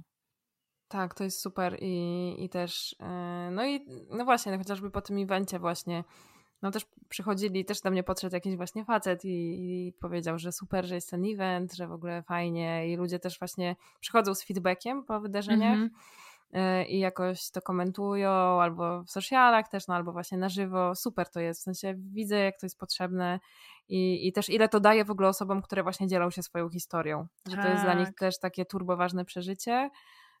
Y, co rozumiem, bo też się dzielę swoją historią i jest to, może nie jest to super łatwe i przyjemne wracanie do tych wspomnień różnych, ale, ale jest to naprawdę ważne, żeby o tym mówić i, i potem dostaję sama też jeszcze po wielu miesiącach nawet od publikacji jakiejś, nie wiem, treści w internecie, że wow, że w ogóle dzięki za tę opowieść, albo że o, to ja już teraz rozumiem, co jest mi, albo mm-hmm. o, czyli to nie tylko ja tak mam i tak dalej. No jakby o to chodzi, nie? To jest ten efekt właśnie takiego poczucia, że nie jestem, że, bo to się wydaje szczególnie właśnie w depresji, że jestem sama w tym tak. głównie. Tak. Jakby nikt tak się nie czuje na pewno, tylko ja jestem w tym totalnie sama. Nie, no właśnie nie, na tym wózku jedzie naprawdę duży tabun ludu I, i fajnie, żebyśmy wiedzieli o tym i znali też tę historię innych. Hmm. Ja ci powiem, że ja czasami dostaję wiadomości od mężczyzn. Rzadziej, dużo rzadziej oczywiście, bo tam w obserwujących mam ich, nie wiem, i w słuchających jakieś tam 6, między 6 a 9%, więc to jest bardzo mało. Ale hmm. zdarza się. I zdarzają się takie, takie sygnały, takie wiadomości w stylu, dlaczego wszystko jest o kobietach, dlaczego nie ma nic e, o, o nas i dla nas no to zróbcie coś. No właśnie, jakby zapraszamy. Kto wam, kto wam broni, nie? Niech sobie facet no. usiądzie, kupi mikrofon, niech nagra podcast o ADHD Dokładnie. u mężczyzn. Dla, no. Z jakiegoś powodu nikt tego do tej pory nie zrobił, nie? Więc no, chłopaki, weźcie no, się ogarnijcie. Działajcie, to jest super fajne y, sobie tutaj siedzieć i rozmawiać. Więc y, będzie to czysta przyjemność. Plus Dokładnie. trochę tam montowania, coś tam, ale. ale no, już jest fajnie. mniej przyjemne, zgadza się. Tak, tak. A wiesz co, jeszcze chciałam o jedną rzecz cię zapytać na koniec. Um, no. Chociaż nie wiem, czy tutaj będzie o czym rozmawiać. Te psychodeliki. No. Czy czy są jakieś badania, czy one coś fajnego robią dla naszych ADHD-owych mózgów, czy jeszcze nie wiemy?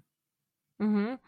E, so, no, są jakieś takie badania, e, pierwsze i też nawet ostatnio się zapisałam e, na taką konferencję online'ową właśnie no, psychodeliki i, i neuroróżnorodność. Mhm. E, I przyznaję, że ponieważ jak, jak się zapisuję na takie konferencje i one mają zazwyczaj później można odsłuchać nagrania, zazwyczaj nie jestem na żywo, no i potem tak odsłuchuję, albo nie odsłuchuję, albo mhm. trochę odsłuchuję. Ja sobie włączyłam kilka tych faktycznie tych wykładów e, i, i tam w zasadzie ona trochę mi tam brakowało takiego właśnie wykładu, takiego z jakimś evidence-based po prostu takim wymienieniem, że to tak, a to tak, więc ja ci nie, nie odpowiem teraz, nie powiem ci żadnej ciekawostki na ten temat, ale widzę, że to była pierwsza rzecz taka, na którą w ogóle trafiłam, że w mhm. ogóle w kontekście psychodeliki i neuroróżnorodność i umówmy się, że jak, jak będę miała jakąś wiedzę na ten temat, to po prostu do ciebie wrócę z nią i, i może o tym poopowiadam więcej. To by było fajne. No, bo o samych psychodelikach, e, no to, to gdzieś tam jestem na, no, na bieżąco i też, no i też właśnie ja też integruję doświadczenia psychodeliczne właśnie w swojej pracy jednej. E, ale tak, to z tą neuroróżnorodnością to, mm, to jest też bardzo ciekawy temat. I, hmm. I myślę, że to jest temat na właśnie oddzielną rozmowę i wtedy na pewno się jakoś do tego też po prostu przygotuję naukowo Deal. bardziej. Deal. No? A to w takim razie o czym już wiemy, że w czym pomagają? E, no, w leczeniu depresji, w leczeniu PTSD, to są różne, oczywiście teraz mówię ogólnie o psychodelikach, mm -hmm. mam na mhm. myśli tutaj psylocybinę, E, mam na myśli e, też e, LSD, mam na myśli MDMA, który jest tak naprawdę takim trochę psychodelikiem, a trochę stymulantem, i ketaminę, która jest trochę psychodelikiem, a trochę dysocjantem. I z tą ketaminą, no to właśnie jakby w klinice ketaminowej my pracujemy. I, I tak, no chodzi o leczenie depresji lekoopornej, o leczenie PTSD, też uzależnień, E, I, i, przede wszystkim to, też OCD. E, I, no i też jakoś tam zaburzenia lękowe czasem e, też jakby teraz rzucam tak bardzo ogólnie, wiesz, to też chciałabym to, jeżeli będziemy robić o psychodelikach, to mogę to wszystko po prostu tak, wiesz, mm -hmm. przedstawić mm -hmm. bardziej mhm. konkretnie, że to jest to i to i to. No jeśli chodzi o właśnie leczenie ketaminą, no to my leczymy depresję lekooporną, no ale właśnie na przykład to jest tak, że objawy ADHD, czy nie wiem, na przykład ze spektrum autyzmu, jakby nie, te, tego na pewno nie da się wyleczyć e, no, no tak. psychodelikami. To jest jakby, no, no bo ktoś może mieć taki pomysł, nie? Ale, ale nie, to nie, to mhm. jakby nie, tak nie działa. E, I też, nie wiem, na zaburzenia osobowości, na przykład ketamina też nie działa, nie? To, mhm. to jest oddzielny temat, tutaj przede wszystkim e, depresja. To można leczyć to chyba, chyba musimy się za jakiś czas umówić na kolejne spotkania, tak. żeby sobie o tych psychodelikach pogadać faktycznie. Bardzo chętnie, bardzo chętnie, bo chcę o tym tak naprawdę jak najwięcej mówić i, i też planuję u siebie też opowiadać, ale to tutaj fajnie byłoby faktycznie w kontekście, w kontekście neuroróżnorodności mm. też e, ten temat ugryźć. No, bardzo chętnie. Mm. Dobra, to w takim razie na takie um, podsumowanko, e, żeby zawinąć powoli do brzegu. Standardowe mhm. pytanie na koniec, czyli co no. chciałabyś, żeby ludzie wiedzieli o neuroróżnorodności albo o samym ADHD, a czego nie wiedzą tak generalnie? Mhm. No to chyba po naszej rozmowie najbardziej czuję, że chciałabym, żeby wiedzieli, um, no, że właśnie, że, że na przykład ADHD, tak, wpływa też na, no ale no nie tylko ADHD, ale zostańmy przy tym ADHD, że, że wpływa właśnie też na, na to, jak się zachowujemy w interakcjach społecznych. Właśnie na przykład na, o, to, o tym zapominaniu, że możemy nie zapamiętać czegoś, co jest ważne dla drugiej osoby i nie dlatego, że mamy ją gdzieś, tylko dlatego, że nasz mózg po prostu tego nie, nie, nie wcisnął do swojej pamięci. Mm, no, chyba to, tak? I też może o tej przestrzeni, ale myślę, że przede wszystkim o tym, bo to jakoś dzisiaj w tej naszej rozmowie najbardziej mi tak z, z, usiadło we mnie, że mm -hmm, tak mhm, powiem. Mm -hmm. Tak, to, to, że to jest takie bolesne, nie? I może być bolesne, że dla mnie by to też było bolesne, jakby ktoś nie pamiętał o czymś ważnym dla mnie. Mm -hmm. Chociaż jakoś chyba łatwiej to, no teraz w sumie powiedziałam to na głos i, i, i ja to jakoś wybaczam chyba łatwo, ale ale myślę sobie, że to po prostu może boleć. W sensie mnie boli to faktycznie, jak nie pamiętam czegoś ważnego dla drugiej osoby. Więc dla mnie jest to istotne i to bym chciała powiedzieć. I, ben, i postanawiam tutaj, teraz mówię na głos, mówić to po prostu moim bliskim. Więcej, jakby tak, żeby powiedzieć, o, właśnie to jest jeden z tych objawów, nie? I mhm. bardzo mi przykro, że tak się stało. Tak, to mm. chyba to. Cieszy mnie, że ktoś to, na to wreszcie zwrócił uwagę, żeby jakby to wyjąć z rozmowy i żeby to zostało na koniec. Mhm. bo to jest jeden, jedna z moich, moich osobistych największych bolączek. Mhm. I no. pamiętam, jak udzieliłam wywiadu dla Noise i e, to, to zostało wyjęte jako, jako e, tytuł naszego, naszej rozmowy, to pojawiły się takie głosy wśród osób samorzeczniczych, że ten tytuł był taki clickbaitowy i że w ogóle, że, że, że, kiepski jakby, nie? Że... Tak. A ja cały czas uważałam, że to jest właśnie jakby sedno wielu moich rozkmin i że mhm. mi się ten tytuł bardzo, bardzo spodobał, bo, bo to naprawdę potrafi być dla nas trudne, że właśnie mi się wydaje, że to jest dla nas trudniejsze niż dla tych osób, które potencjalnie możemy jakoś, nie wiem, e, tym zranić.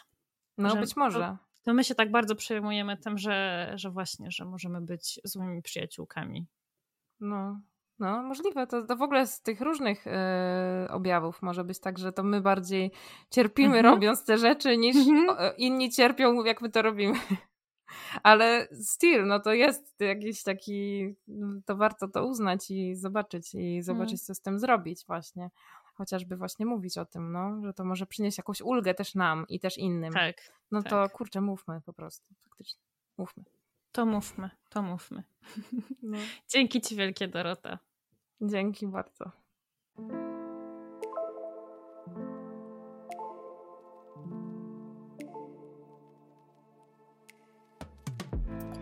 Wielkie dzięki za wysłuchanie tego odcinka. I oczywiście Spotify, YouTube czy TikTok nie powinny być wyznacznikami diagnozy. Ale jeśli to, o czym tutaj rozmawiałyśmy, brzmi dla ciebie podejrzanie znajomo, to mam nadzieję, że zaopiekujesz się sobą i wykonasz pierwszy krok w kierunku pójścia po pomoc, bo każda z nas na to zasługuje. Do usłyszenia w kolejnym odcinku.